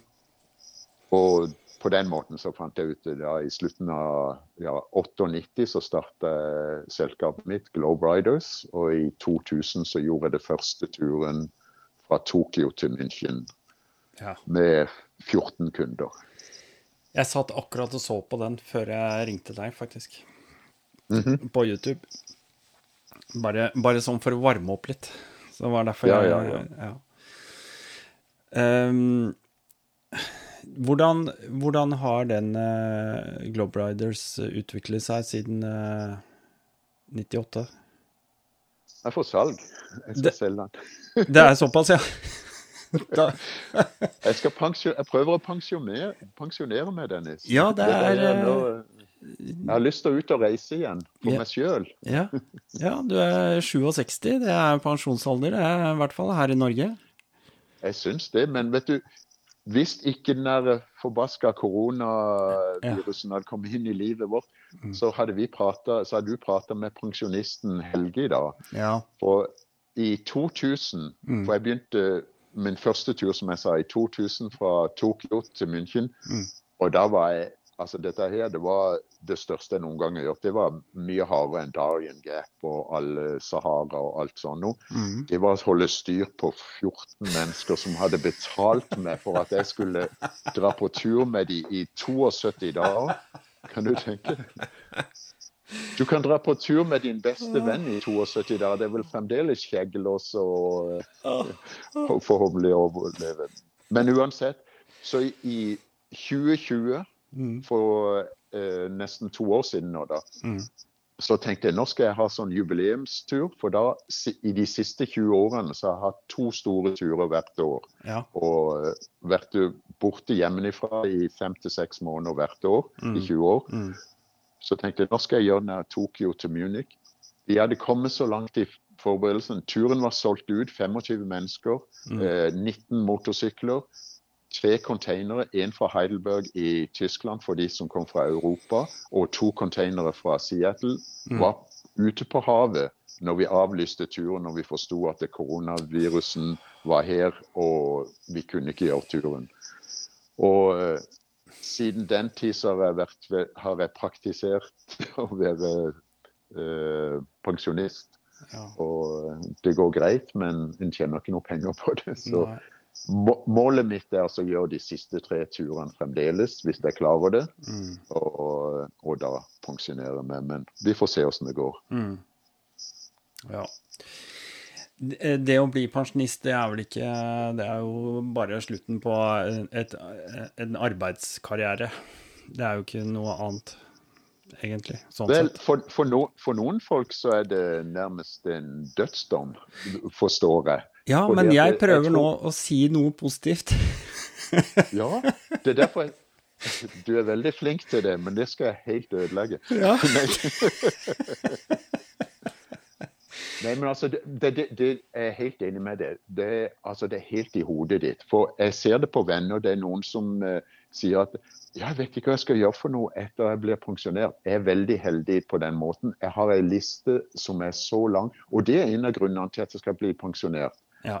Eh, Jeg fortalte noe om det tidligere. Faren min døde da han var 61. Han Mm. jobba fremdeles. Mm. Og, og jeg føler det at hvert år jeg lever nå, det er liksom sånn en bonus på en måte. Mm. Og eh, grunnen til at jeg ble pensjonert, er at jeg har klart å tjene nok penger på at jeg føler at det er økonomisk så jeg klarer det. Jeg kommer ikke til å leve noe luksusliv, men det er ikke det som er poenget. Og Lisa er med. Det er min nye kone, som vi har vært sammen nå i syv år, tror jeg det. Mm. Og vi har lyst til å se noe av verden, men gjøre det alene. Mm. Bare, for når du reiser med 25 mennesker, det er et utrolig stort ansvar. Ja. Altså, det er et mye press. Hver gang så vil det være en ulykke, iallfall. Mm. Og folk blir syke, og noen blir tverre, noen kjegler. Altså, Det har vært en fantastisk karriere. Jeg, trivd, utro, jeg har truffet så mye fine folk. Det er unntakene som jeg prater om her.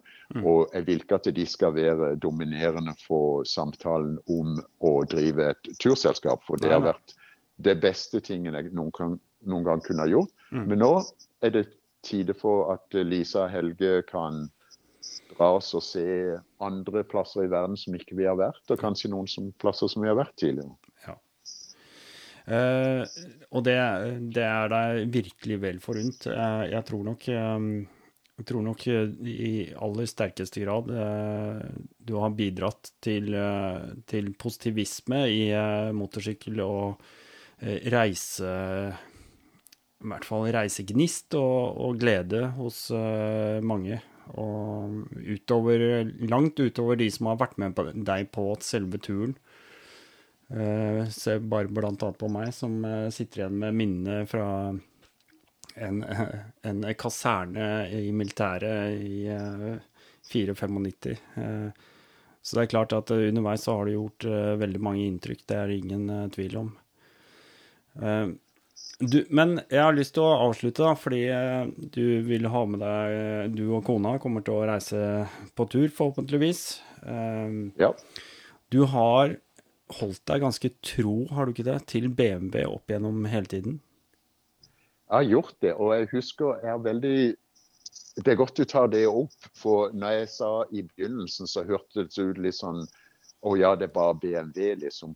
Mm. På den tida så var det faktisk det. Altså, du kan se på en annen en, eh, som er blitt god venn opp gjennom Ted Simon, som skrev Mm. eh, boka 'Jupiter's Travels'. Mm. Og du kan se på Hjalte Tinn og Nina Rasmussen, som jeg også har truffet og besøkt i Danmark. Veldig fine folk. De reiste, altså, Ted Simon hadde en Triumph. Mm. Han er britt, britisk, vet du. Visst, han kunne ikke noe bedre. Så han hadde Triumph på den tida.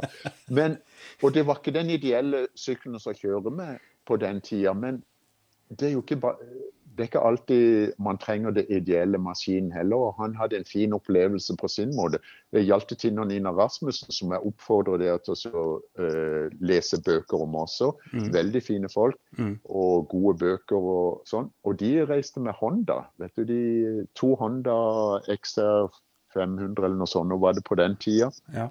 Og, og hatt forskjellig. Og i dag, det er jo så stort valg i motorsykler. Mm. Jeg har stukket med BMW pga. at jeg har hatt sponsorskip med dem. Eh, Olga endte opp på museet i München, og de ga meg en annen motorsykkel. Jeg har gjort prosjekt med dem Ja. som de har gitt med motorsykler, og jeg Ja. måtte gjøre ting for dem. Og en ting som jeg har brukt denne eh, pandemien nå til Jeg har ikke hatt noen motorsykkelturer. Jeg sitter ikke bare og kikker ut vinduet og drømmer. Nei, nei. Eh, nei, jeg hadde to krasja motorsykler fra vår Cape de Cairo-tur. Ja. Det er en lang historie, men en av de lagde en sidevognsykkel til. Og så sto bare skallet til den andre. Jeg var ikke helt sikker. Jeg brukte deler og tenkte jeg kan bruke noen deler. Så kom pandemien, så sa jeg jeg skal sette, jeg har 5000 dollar Mm. som jeg kan bruke til deler og få bygge opp den sykkelen. Og da gikk jeg på eBay, kjøpte en motor for 3000 dollar, for mm. den andre hadde ødelagt motoren, og bygde opp en motorsykkel. Det tok meg tre måneder kanskje, men jeg lærte veldig mye. Og det hadde vært grunnen når jeg starta ut med Olga, så var det en, en kar i Kristiansand, Ervin Jans. Jeg sa han, han var mekaniker. Han var god eh, venn med Morten Mager. Mm. Og eh, de var faktisk kjørte sidevognrace sammen i den tida. Ja. Men, eh, og før det. Men han sa du må lære Girboksen kan være litt vanskelig på disse syklene, så nå skal jeg vise deg å ta en girboks fra hverandre og sette de sammen. Og jeg bare himla med øynene og tenkte det her kommer jeg aldri til å klare. Men jeg, jeg fulgte med så godt jeg kunne, og han viste meg. Ja. Og tenkte håper jeg aldri kommer til å gjøre dette her. Vel, jeg kom i Zaire. Midt i jungelen så hadde s- låst seg i, i andre giret. Jeg tok fra hverandre girboksen, lagde en ny fjær og satte inni, og så kunne jeg kjøre videre og fikk en skikkelig god overhaling da jeg kom til Sør-Afrika. Men hadde det ikke vært for Ervin og sånne folk som uh, har vært og lært det, sånn som Pelle fortalte om han og Mm. sånn noe. Og om det var BMW eller ikke BMW I dag som jeg sier, så er det så mange sykler. Du må bare finne noe som passer deg sjøl. Men finn noe som du kan føler at du kan jobbe litt med. For uansett hva slags sykkel du kjører, Mm. så trenger du også litt mekanisk eh, innsikt. Og selv om ikke du er veldig god i mekanisk, så finner du sikkert en mekaniker, men du må, du må vite hva du skal ha med deg, reservedeler. Og, det, det hjelper på selvtilliten også å kunne litt om mekaniske på den sykkelen du kjører med. Uansett hvilken det er. Det er helt klart. Jeg eh, har registrert at eh, du fikk bygd deg en eh, rød BMW GS med sidevogn nå nylig. Eller nylig Ja. og nylig. Ja, det, det er noen år siden. Ja. Eh, og, og grunnen til det var, var en litt trist historie på en måte, men han ender på en god eh, måte. Det var, vi hadde en ulykke i Sibir, og han, guiden min som eh, hjalp meg på den turen, jeg sa farvel til gruppa, for jeg skulle scoute ut uh, Silkeruta. Ja. Så jeg var borte fra dem for noen uker, så traff vi igjen i Ukraina. Ukraina. Og han kom i en ulykke og mista beinet sitt. Oh. Uh, det er en lang historie. Ja. Og Mike, Mike Paul heter han. Og eh, det var en uh, to uh, Ja, 20 Ja, 2004. I 2006 så var han ute og reiste med meg igjen. Mm. Fått protese på og gått gjennom hele opplegget eh, for å komme seg på beina, rett og slett. Ja. Det er en lang historie, ikke noe trivelig historie, men det var en suksess. at det, Da begynte han så å kjøre sidevogn. Ja. Og vi har jobbet sammen i mange år. Mm. Eh, superfint. Så tenkte jeg det her ser interessant ut. Så er det noen andre kunder som kommer med sidevogn. Så tenkte jeg dette her må jeg prøve en gang. Det ser ikke noe så gøy ut. Mm. Kan ikke lene i svingene og sånn. Uansett kom en sjanse til det var de der to Krasja-syklene jeg prata om just nå. Uh, Så to av lagde en sidevogn med hjelp av en sidevognsbygger her i Seattle. Dro en tur fra Colombia til Ushuaia. Altså det var to måneders tur på den. Og fant ut dette her er skikkelig gøy. Og Lisa hun er ei lita jente som sitter bak meg og ser på verden. Det er ikke det beste, så når hun kom i sidevogna, syntes hun det var kjempefint. ja. Og hun har egen motorsykkelsertifikat, men hun liker ikke å kjøre så mye for seg sjøl lenger, så hun, hun trives godt i sidevogna. Ja. Så krasja jeg med den sidevogna. Det var ikke helt bra mekanisk. Okay. For Det som er litt rart her i USA, du trenger ikke noen sertifikater for å bygge. Hvem som helst kan bygge en sidevogn. Ja. Det er ikke noe oversyn. Det er ikke noe Ja, det er ikke noe godkjenninger eller sånne ting, nei. Mm. Nei.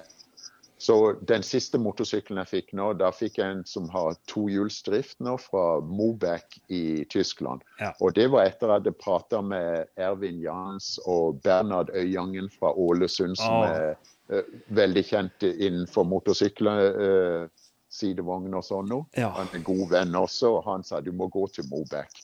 Ja. Og det gjorde jeg, og jeg er så glad jeg har gjort det. Så nå når vi kommer Nå er eh, vårt mål når vi får til, kanskje nå i 2023 Ja. Jeg avlyste turen for neste år. Så kommer vi i 2023, hvis alt går bra nå, Mm. så kommer vi til å reise fra Tokyo til München, opp til Kristiansand, opp til Norge med sidevogner.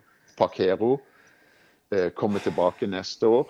Reise fra Kristiansand ned Vest-Afrika til Cape Town. Det, da reiser vi for første gang alene et halvt år, et år kanskje det kommer til å ta. Så det er liksom pensjonisten eh, Lisa Helge som skal på sidevognstur. Vet du hva, det høres altså så fantastisk ut. Ehm, og jeg har stor forståelse for det med sidevogn. Jeg har eh, vært en uh, sidevognsentusiast eh, i noen år selv, så, så det, det er bare gøy. Eh, jeg driver ikke Hvordan, hvordan kom du inn på det? Hvordan kom du til å kjøre sidevogn? Du, vet du hva, jeg eh, Dette er jo også en, en historie, da, men i 2004 så hadde jeg fått uh, min sønn nummer to med min første kone. Aha. Og uh, motorsykkel hadde da vært en interesse ganske lenge. Eh, men hun var Og vi hadde flytta og pussa opp hus og greier, og vi holdt på. Det var barn, og det var husbygging, og så hadde jo jeg motorsykkel som en interesse. Ja. Eh, og ja, etter en stund så begynte vel det å slite litt på. og Jeg fikk klar beskjed om at denne motorsykkelinteressen min, den, den var eh, rett og slett totalt egoistisk. Ja. ja. Og vi skjønte jo det at uh, her må det gjøres et eller annet. Og tenkte at ok, da må vi ha sidevognsmotorsykkel. For jeg skal, okay. ikke, jeg skal ikke slutte å kjøre motorsykkel. Det, det er helt uaktuelt. Så det endte med at, eh, at jeg dro eh, av gårde opp til Stovner eh, i Oslo. For jeg hadde kommet over en gammel importert Ural.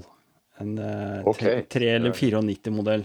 Du husker jo hvordan Ja, ja. Den, Du har jo vært i Irbit, så du vet jo hvordan de kan se ut. Å ja. Eh, og så drar jeg opp der. Dette er seint i november. Det er eh, begynt å bli frost rundt, i, rundt omkring, og det er ordentlig sånn guffen høststemning.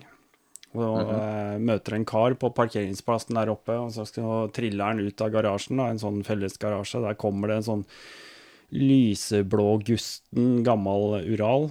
Eh, jeg hadde jo sett sånne sykler før, for vi hadde drevet og herja rundt eh, ja, ti år tidligere med en sånn, når de kom i kasser til eh, Norge i 94 en gang. Og, Ja, ja. Men eh, ja, den gangen hadde jeg bare sittet på. Så når jeg skulle kjøre hjem, jeg ga han 15 000 kroner rett i hånda og takka for meg, og Oi. dro av gårde nedover. Og det er noen fryktelig svingete veier nedover. Og, og tenkte ikke jeg bare ut første rettstrekka nedover, og så kommer den første svingen. Og jeg fikk jo en aha-opplevelse som jeg aldri vil glemme. Var det til høyre eller venstre? Ja, det kan jeg ikke akkurat huske nå, men det var begge veier, egentlig. Eh, og, ja. og det er klart eh, Det første jeg tenkte, høyt inni meg selv, med utropstegn, det var Hva faen har jeg kjøpt for noe nå? Det var, det, det var ordrett det jeg tenkte der og da. Det kan jeg godt tro. Jeg kom ikke så veldig langt. Eh, Jeg fikk kjørt eh, fem kilometer, og så fikk jeg en motorstopp. Oi. Eh, og da var gode råd eh, dyre, som det heter. Det var seint høst, Ja. klokka var halv ti på kvelden, og eh, ja. det yra i lufta. Og så ringer jeg en kamerat av meg som har litt greie på gamle motorsykler. Så sier jeg Martin, du må komme og hjelpe meg her. Jeg står på seter, du må komme. Ja, ja. Vi, han kom etter en stund, og han vi trilla denne sykkelen, Uralen, inn under en lyktestolpe på fortauet. Og vi står og åpner opp dekselet framme, vi ser på alt mulig. Alt mulig. Sjekker ledninger. Og så folk kommer forbi og går forbi. Og så kommer det en kar og steller seg og ser på oss. Han ser på oss sikkert i ti minutter, og jeg kjente jeg blir sånn irritert. Du blir passe sånn glødende når du står og, og liksom Kan ikke du bare gå? Ja. Og så sier han plutselig sånn tørt Du, eh, den ledninga som skulle vært på kabelskoen der, inn til eh, Det var et eller annet han spesielt. Coilen eller noe sånt? ja, det var, ja, det var eh, elektronisk tenning. Eh, Ok. nei, eh, eller, nei, det var stifttenning på den. Ja. Uansett, kondensatoren var det. Ah, ok. Den har røket, sa han. Og jeg bare ser, og så, og så da har vi sittet og sett på dette her i ti minutter, Ja, ja, ja. Og rett foran nesa på oss, og det klarer vi ikke å se. Og så sier han bare sånn tørt Ja, dere skjønner, jeg har skrudd eh, gamle veteranbiler jeg i 20 år, sier han bare. Og så går han. Og det var så sånn ja. Og så, og så var det liksom bare å klemme den ledningen under kabelskoa, og én eh, tråkk på skikken, så var liksom dette i gang igjen med en gang. Og det, men for å være helt ærlig, dette var jo ikke et, um, dette var jo ikke et uh, strøkent prosjekt i utgangspunktet. Så jeg skulle bare gjøre noen småting. Og det ender da opp med at jeg tar den Uralen og plukker den i småbiter. Oi. Eh, hvor jeg pulverlakkerer selvfølgelig alt, og galvaniserer alle ståldeler. Og putter det og lakkerer og bytter ut så å si alt, og lodder om elektrisk og alt mulig. Og til slutt så hadde jeg brukt rundt 85 000 utenom. Ja. Så nei, det er min første, første mm, opplevelse. Eh, det må jeg huske å legge til i den historien, er at eh, kona blei aldri med i den sidevogna. Å, Nei. men ung. Men, vi, og vi er ikke gift lenger. Ja, Nei. det kan jeg. Ja, jeg skal ikke si noe. Nei. Okay. Nei. Men, men jeg må også si det, for det mange uh, Igjen så er det mange folk som sier å ja, så du begynner å bli gammel, så får du sidevogn. Mm. Eh, Så vil jeg si ja, det er sant det. Det, det er en av grunnene til å få sidevogn. Mm. Men hvis ikke du har prøvd en sidevogn, så vet du ikke hva du prater om. Og, og jeg hadde så mye eh, ting som jeg tenkte om sidevogn. Eh, liksom, Mike, ja, han har ikke beinet sitt så han klarer ikke å holde balansen hvis han er så. Så jeg forstår at han har sidevogn. Men de andre folkene som eh, Hvorfor har de sidevogn? Så liksom sånn er det fordi at ikke de klarer å holde balansen og sånn? Altså, det har ingenting med det. Det er bare en helt It's a different beast. Altså, det er helt annet uh, uh, greier. Mm. Og en annen ting også, for meg, det var veldig viktig for at Elisa skulle trives godt. Mm. Uh, og jeg har solosykkel. Jeg har en eh, 1200 GSA, eh, 2015-modell. Og den der eh, sidevogna en 2018 eh, 1200 GSA. Så det er samme syklene, så jeg kan bruke reservedeler eller deler. Og jeg kjenner, jeg er blitt kjent med motoren og sånn. Men jeg liker veldig godt å dra på solosykkelen også. Det er en helt annen måte. Men det er bare blitt én mer ting å gjøre med motorsykkel. Og hvis du, har, hvis du føler at ingen ser på det eller snakker med det, få deg en, motor, eh, en sidevognsykkel. Ja. Hele bygda kommer til oss og vil prate med deg. For det betyr ikke noe rolle. Hvis du kommer med en vanlig sykkel, så ja, så prater folk med deg. Mye mer folk kommer og prater med deg når du har sidevognsykkel. Ja. Det, det er skikkelig gøy, og eh, det er en helt annen måte å reise på. Men jeg liker fremdeles. Så lenge jeg er i god form, så kommer jeg alltid til å ha solosykkel, og det liker jeg veldig godt også. Nei, det er helt riktig som du sier. Altså, den, eh, altså blant publikum eh, så får du en helt annen oppmerksomhet. Ja. Eh, Du kan egentlig bare parkere sidevognsykkelen din inn blant eh, 1500 vanlige sykler, så er det allikevel publikum velger å se på sidevognsykkelen. Ja, så kan du ha så mye gøy med det også. Sånn Ja, ja. som når vi Unnskyld. Så når vi, den turen jeg reiste i eh, Sør-Amerika, Mm. og mange plasser, sånn som i Bolivia, så uh, ungdommen de spaserer til skolen, Mm. så stopper du og sier hei, skal du være med, skal jeg ta deg til skolen? Ja. Oh, Ja. altså de, de prater sikkert om det fremdeles. Ja. Det var den største opplevelsen. Eller du kommer i vi var, Da hadde ikke jeg motorsidevogn, men det var en av kundene mine som hadde Marty og Bill. De hadde sidevogn. Vi stopper i en liten landsby, og der hadde vi ca. 20-25 ungdommer som sto på rekke og rad for så at de skulle få en tur rundt et par huser og så tilbake. Og så var det neste, og Ja. to bilder. og Det var stor, stor ting. Det var så fin måte å komme i kontakt med folk med. Ja. Og da kommer foreldrene frem. Vi Mm. prater litt, og så plutselig så er vi lunsj og sitter og, og lærer andre ting. Altså, det er akkurat samme som en solosykkel, men ganger ti med en sidevogn når Mm. det gjelder også å få kontakt med folk. Ja, det er utrolig gøy. Jeg, jeg har veldig sans for sidevogn. Jeg, jeg har hatt mange, men jeg var og henta en nå bare for eh, ja, fire uker siden, tror jeg. Tre uker siden. Uh, Ja. Og jeg henta meg en eh, og nei, 78-modell eh, BMW R107 med sidevogn. Oh, ja. Et uh, E EML-bygg.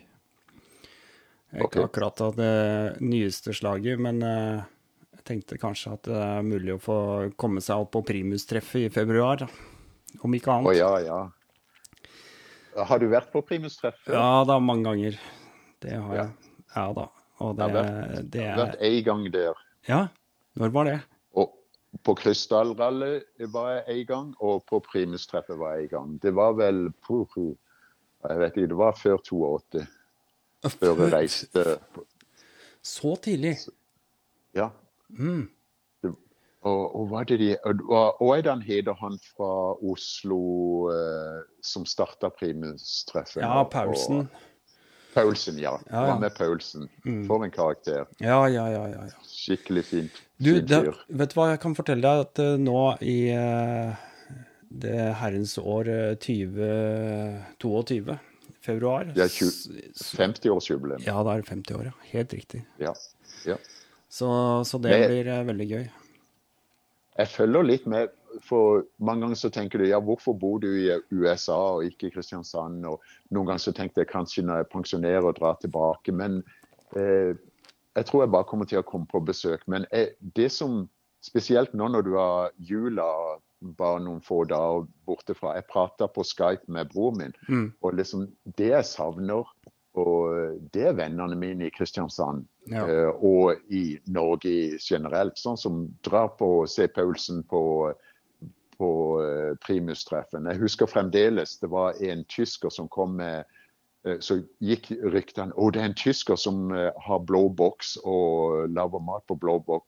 Så var det noen som dro bort med ei hagl, og så skjø- tok tyskeren til side, så skjøt de eh, blåboksen. Stemmer. Og tyskeren ble helt forskrekka, og så ga de han en primus. Sånne historier fra disse galningene, det, det er jo sånn som er fantastisk.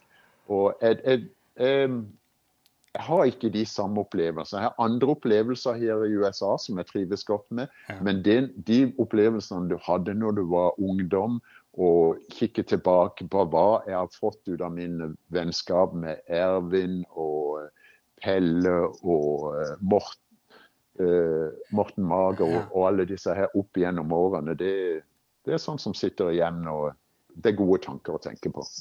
Ja. Nei, det er, eh, det er veldig gøy. Um, nå, nå har jeg eh, Jeg håper at jeg får oppleve mange sånne jubileer til, da. Selvfølgelig. Eh, Ja. Du, eh, jeg vet at du har bursdag nå i januar. ja. Det har jeg også. Så at um, oh, ja. eh, du er eh, Hvilken dag? Hvilken dag? Ja, niende. Å, det er rett etter det. Tiende. Vi får, med tidsfor, tidsforskjellen så får vi ta en liten skål. Det må vi gjøre. Og, og du er jo du er da nøyaktig 20 år eldre enn meg. OK. Så Du var ungdommen. Ja, jeg var bare ungdommen. Jeg var i militæret, vet du, første gang Ja, jeg ja, så ja. deg. Så, så det er helt riktig, det, altså. Det er Eh, godt, det. ja. Nei, det er, eh, det er veldig artig å snakke med deg, Helge. Det hadde vært uh, veldig hyggelig å få prate med deg igjen. Jeg, uh... Men du, vi kan jo, vi kan jo se nå jeg kom, Vi kan holde kontakt. Og så Mm. Nå er just utsatt, som jeg sa, turen Ja. til 2023.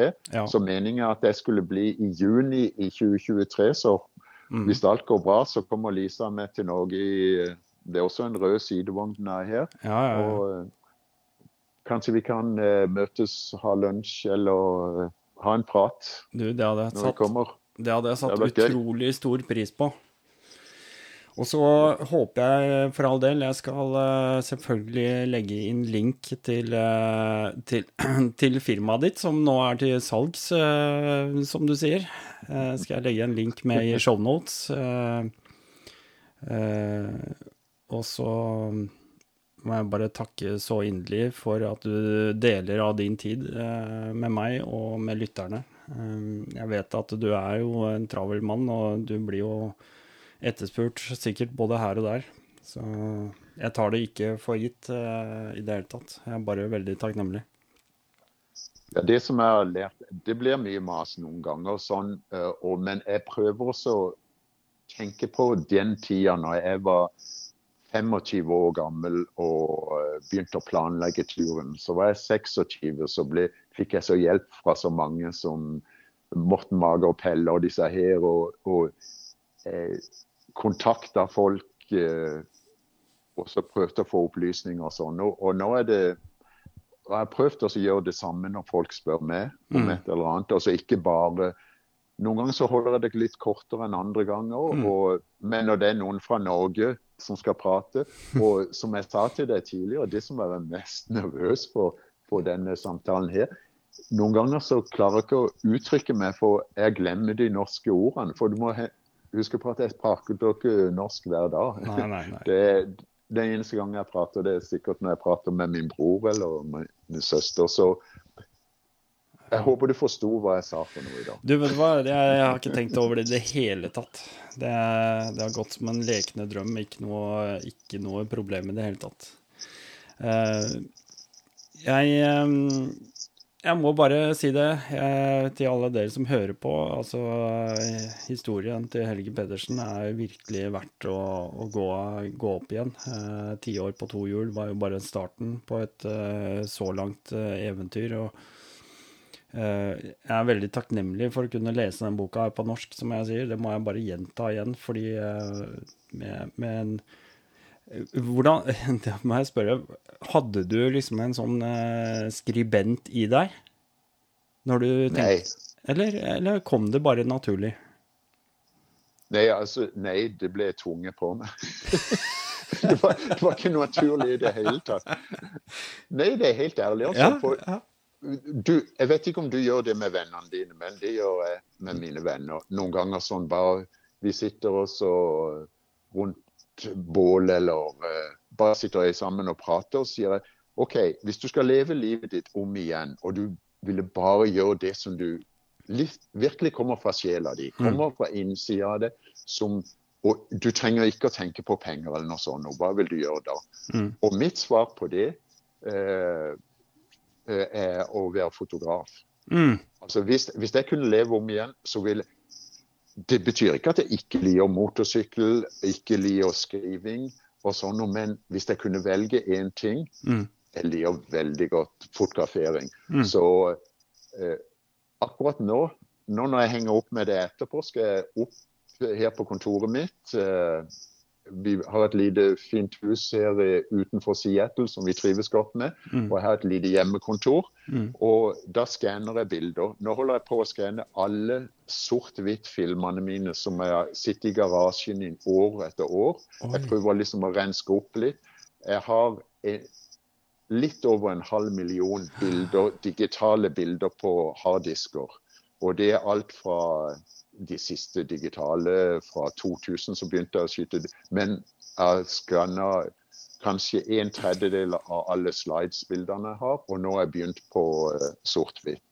Og fotograferinga, det trives jeg veldig godt med. Det er noe som er og, og jeg har fått anledning til å bruke det når jeg reiser, og til og med når jeg har Glowbriders. Det føler jeg at det er den sterke sida mi. Skrivinga, det har blitt tvunget på meg. Og det er blitt lettere med årene. Jeg har begynt å jobbe på en ny bok. 40 år på to hjul, eller noe sånt. Nå kommer jeg til å kalle det. Okay. Så vi se om, det blir noe av den. Men det er så mye artig historie. Det var sånn jeg, den første boka jeg lagde, altså 'Ti år på to hjul'. Mm. Hva skal han skrive om ti år på to hjul? Mm. Så fant jeg må bare plukke enkelt historie. For jeg kunne ikke si sånn Ja, så reiste jeg der, og så gjorde jeg det, og da, da, da. Ta individuelle historier som også har et, et sterkt bilde som klarer å stå ved siden av Mm. historien for å backe den opp på en måte. Så ja, det var det lange.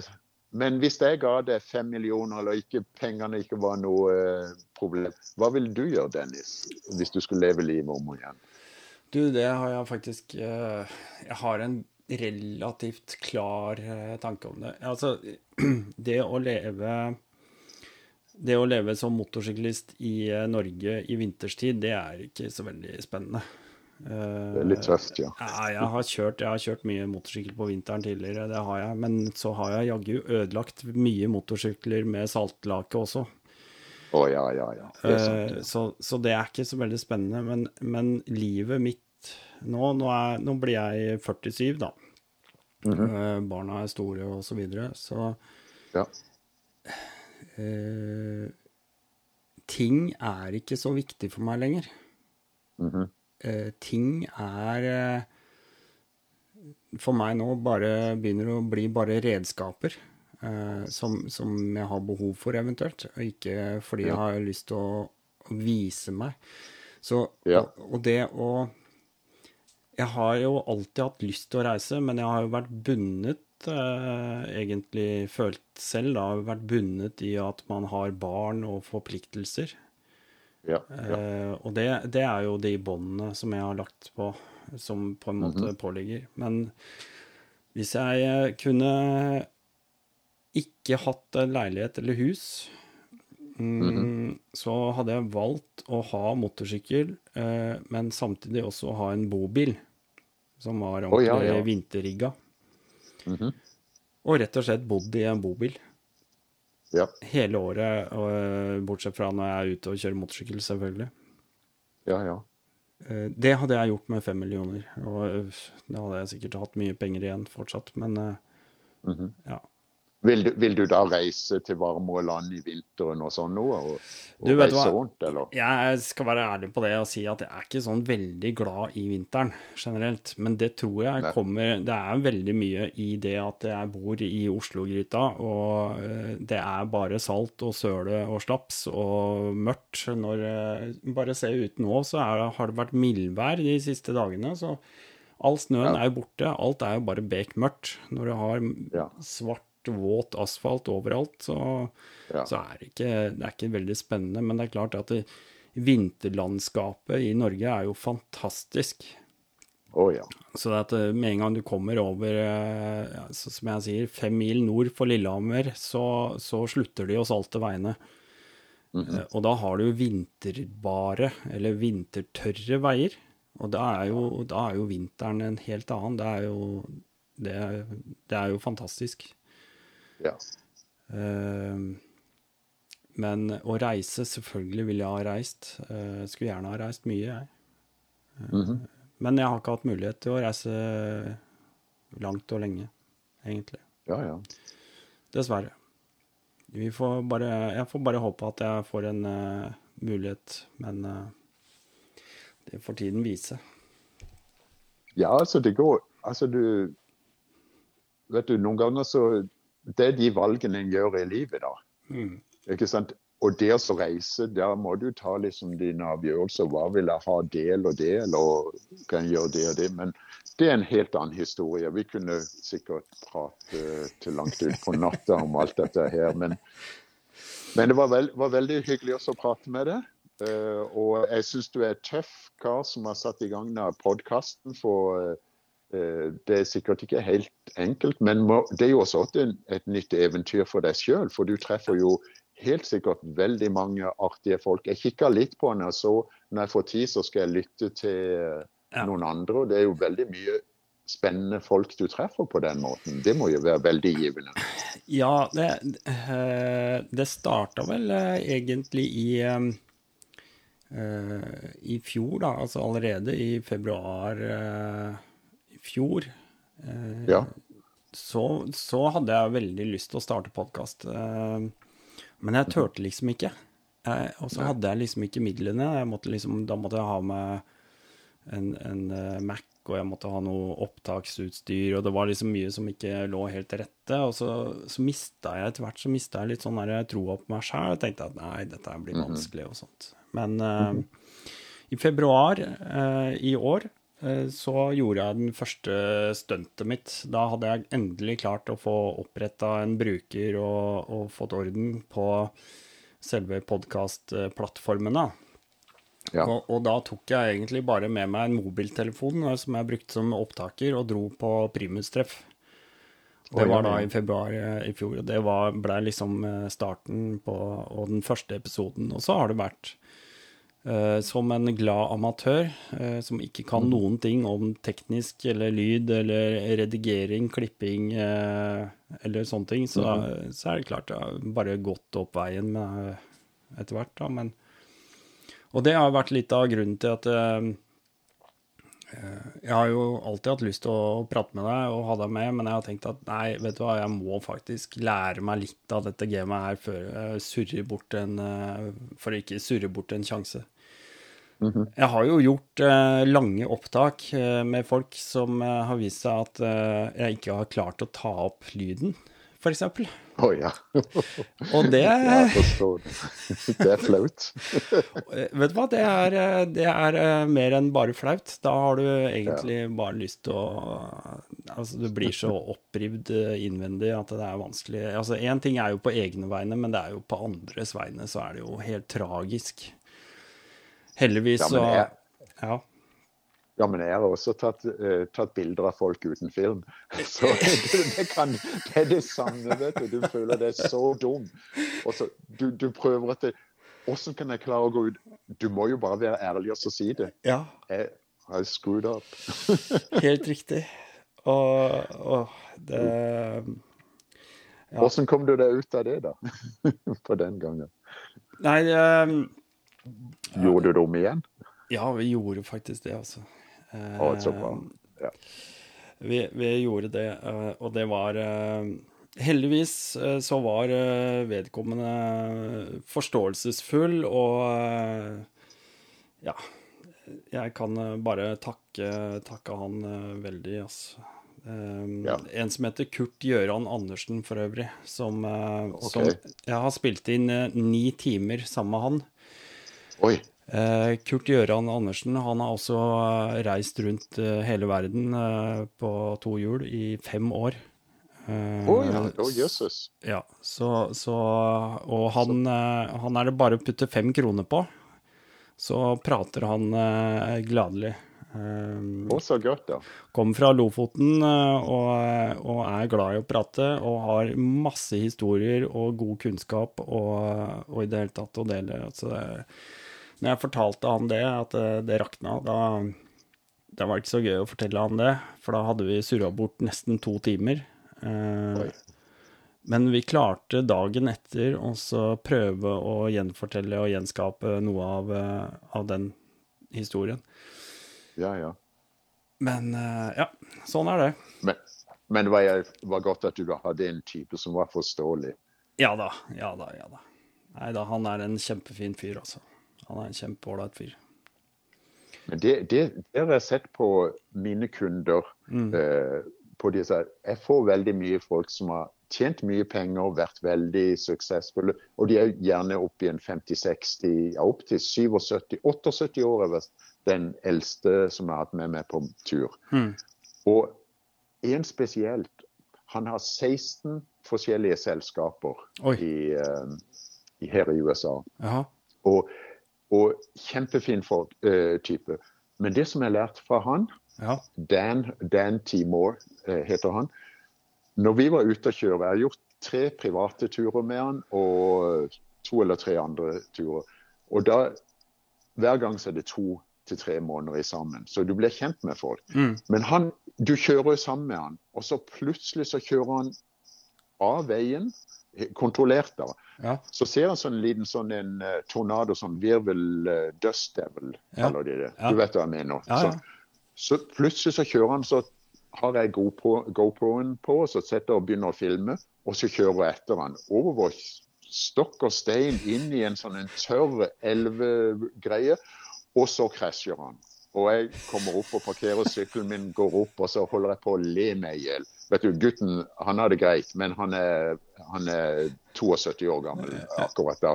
Så jeg tenker jeg må være litt forsiktig. Så, så, lir, så ligger han der bare på baken og holder på å le seg i hjel. Så sier jeg hva er det for noe? uh, og, og jeg, ja, men Helge, så du ikke den der dødsdevelen? Jeg har så lyst til å komme og kjøre inn i en sånn en, og så føle hvordan det føles, om man løfter meg opp i lufta eller ikke. Så, vi bare ler. Og sånn er han. Han kanter og faller, Ja. men hver gang så bare ler han. Og han sier ikke at det er skylda, at det er min skyld eller noen andres skyld. Sier så du hvor dum jeg var der, Helge? Dette her var bare tull. Og så finner han rundt i en annen sving og sier hva er det du gjør for noe? Det er nå du er i grøfta igjen. Ja, i Helge, i dag hadde jeg lyst til å eksperimentere med speed, med fart, og se hvor langt jeg kunne At han er Men det som jeg lærte fra han Ja. Han har 16 selskap, som jeg sa. Ja. Det som han har en evne til, som ikke jeg har, og jeg jobber med det hver dag, det er at når noe går galt, Mm. så bare gjør han sånn, Mm. børster av støvet, og så begynner på med en god innstilling.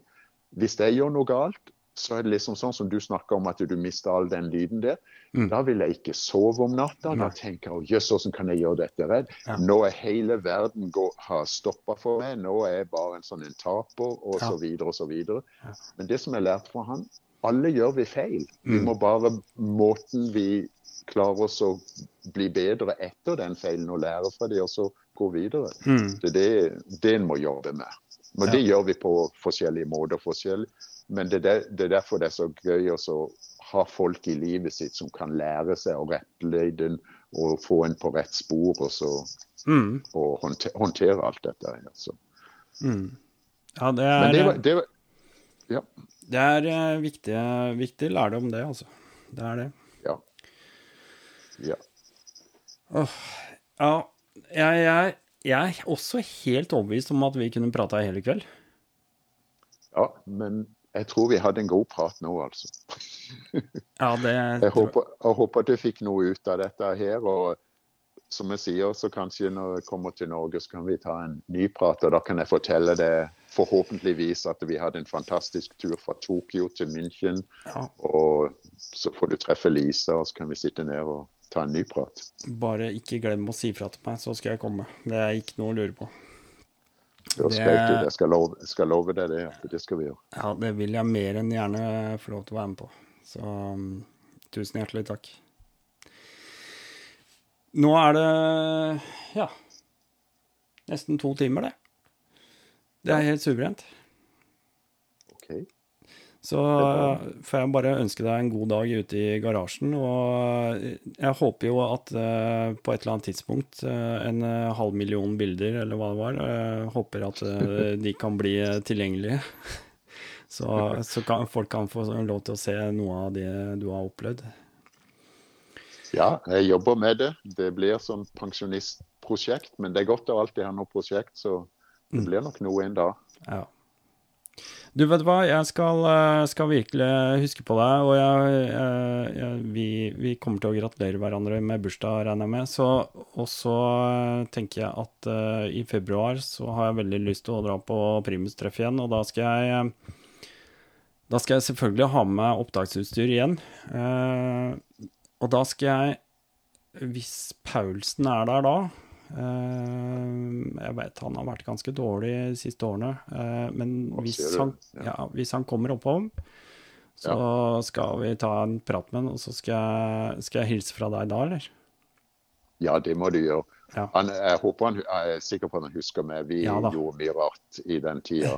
Så Det, det slår aldri feil. Det er mye, mye gode historier ute og går rundt uh, bålene oppe på, oppe på fjorda. Det er ikke noe å lure på. Å ja, jeg tror vi mange har Det får være til en annen gang. Jeg har ikke lyst, no, noen av de historiene tror jeg ikke jeg har lyst til å prate om akkurat her nå heller. De, de får bli til rundt bålet. Fantastisk. Da håper jeg at du får en fin dag i Seattle. Og så I like måte. inn til neste gang. Ha det godt. Ha det bra, du. Hei. Åh. For en uh, fyr. Ehm, det her, det skal jeg leve på en uh, god stund, altså. Tulle meg bort litt grann midt inne der, og det blir litt sånn her og der. Eh, men eh, det blei akkurat sånn som jeg hadde håpa på, at eh, han bare tok tak i det og dro meg gjennom dette her på en fantastisk fin måte, altså. Helge Pedersen snart pensjonist. Jeg vet ikke, er det noen som kunne tenkt seg å ta over et firma i Seattle? det er ikke bare bare å hoppe inn i et sånt liv. hvis man ikke har masse erfaring og kunnskap om det fra før av. og det, det, er jo det. Han selger jo egentlig et livsverk på mange måter, tenker jeg da. Men uh, sånn er det. Det er jo tid for, uh, tid for det meste. Uh, jeg unner han godt, det. Å få lov til å slappe av. Livet er ikke ferdig selv om du pensjonerer deg. jeg er begynner jo å tenke litt avgang av og til på at jeg nærmer meg 50. Jeg syns det er litt krise Det er litt krisetanke oppi huet mitt, men det er jo fader meg bare tull. livet er ikke over. Eh, på ingen, ingen måte. Et veldig godt spørsmål. Hva hadde jeg gjort med fem millioner kroner? Jeg tror jeg svarte delvis eh, på det, og det er jo en tanke jeg har hatt i flere år, men det er veldig vanskelig å si eh, Det er veldig vanskelig å si akkurat hvilken bobil jeg hadde valgt.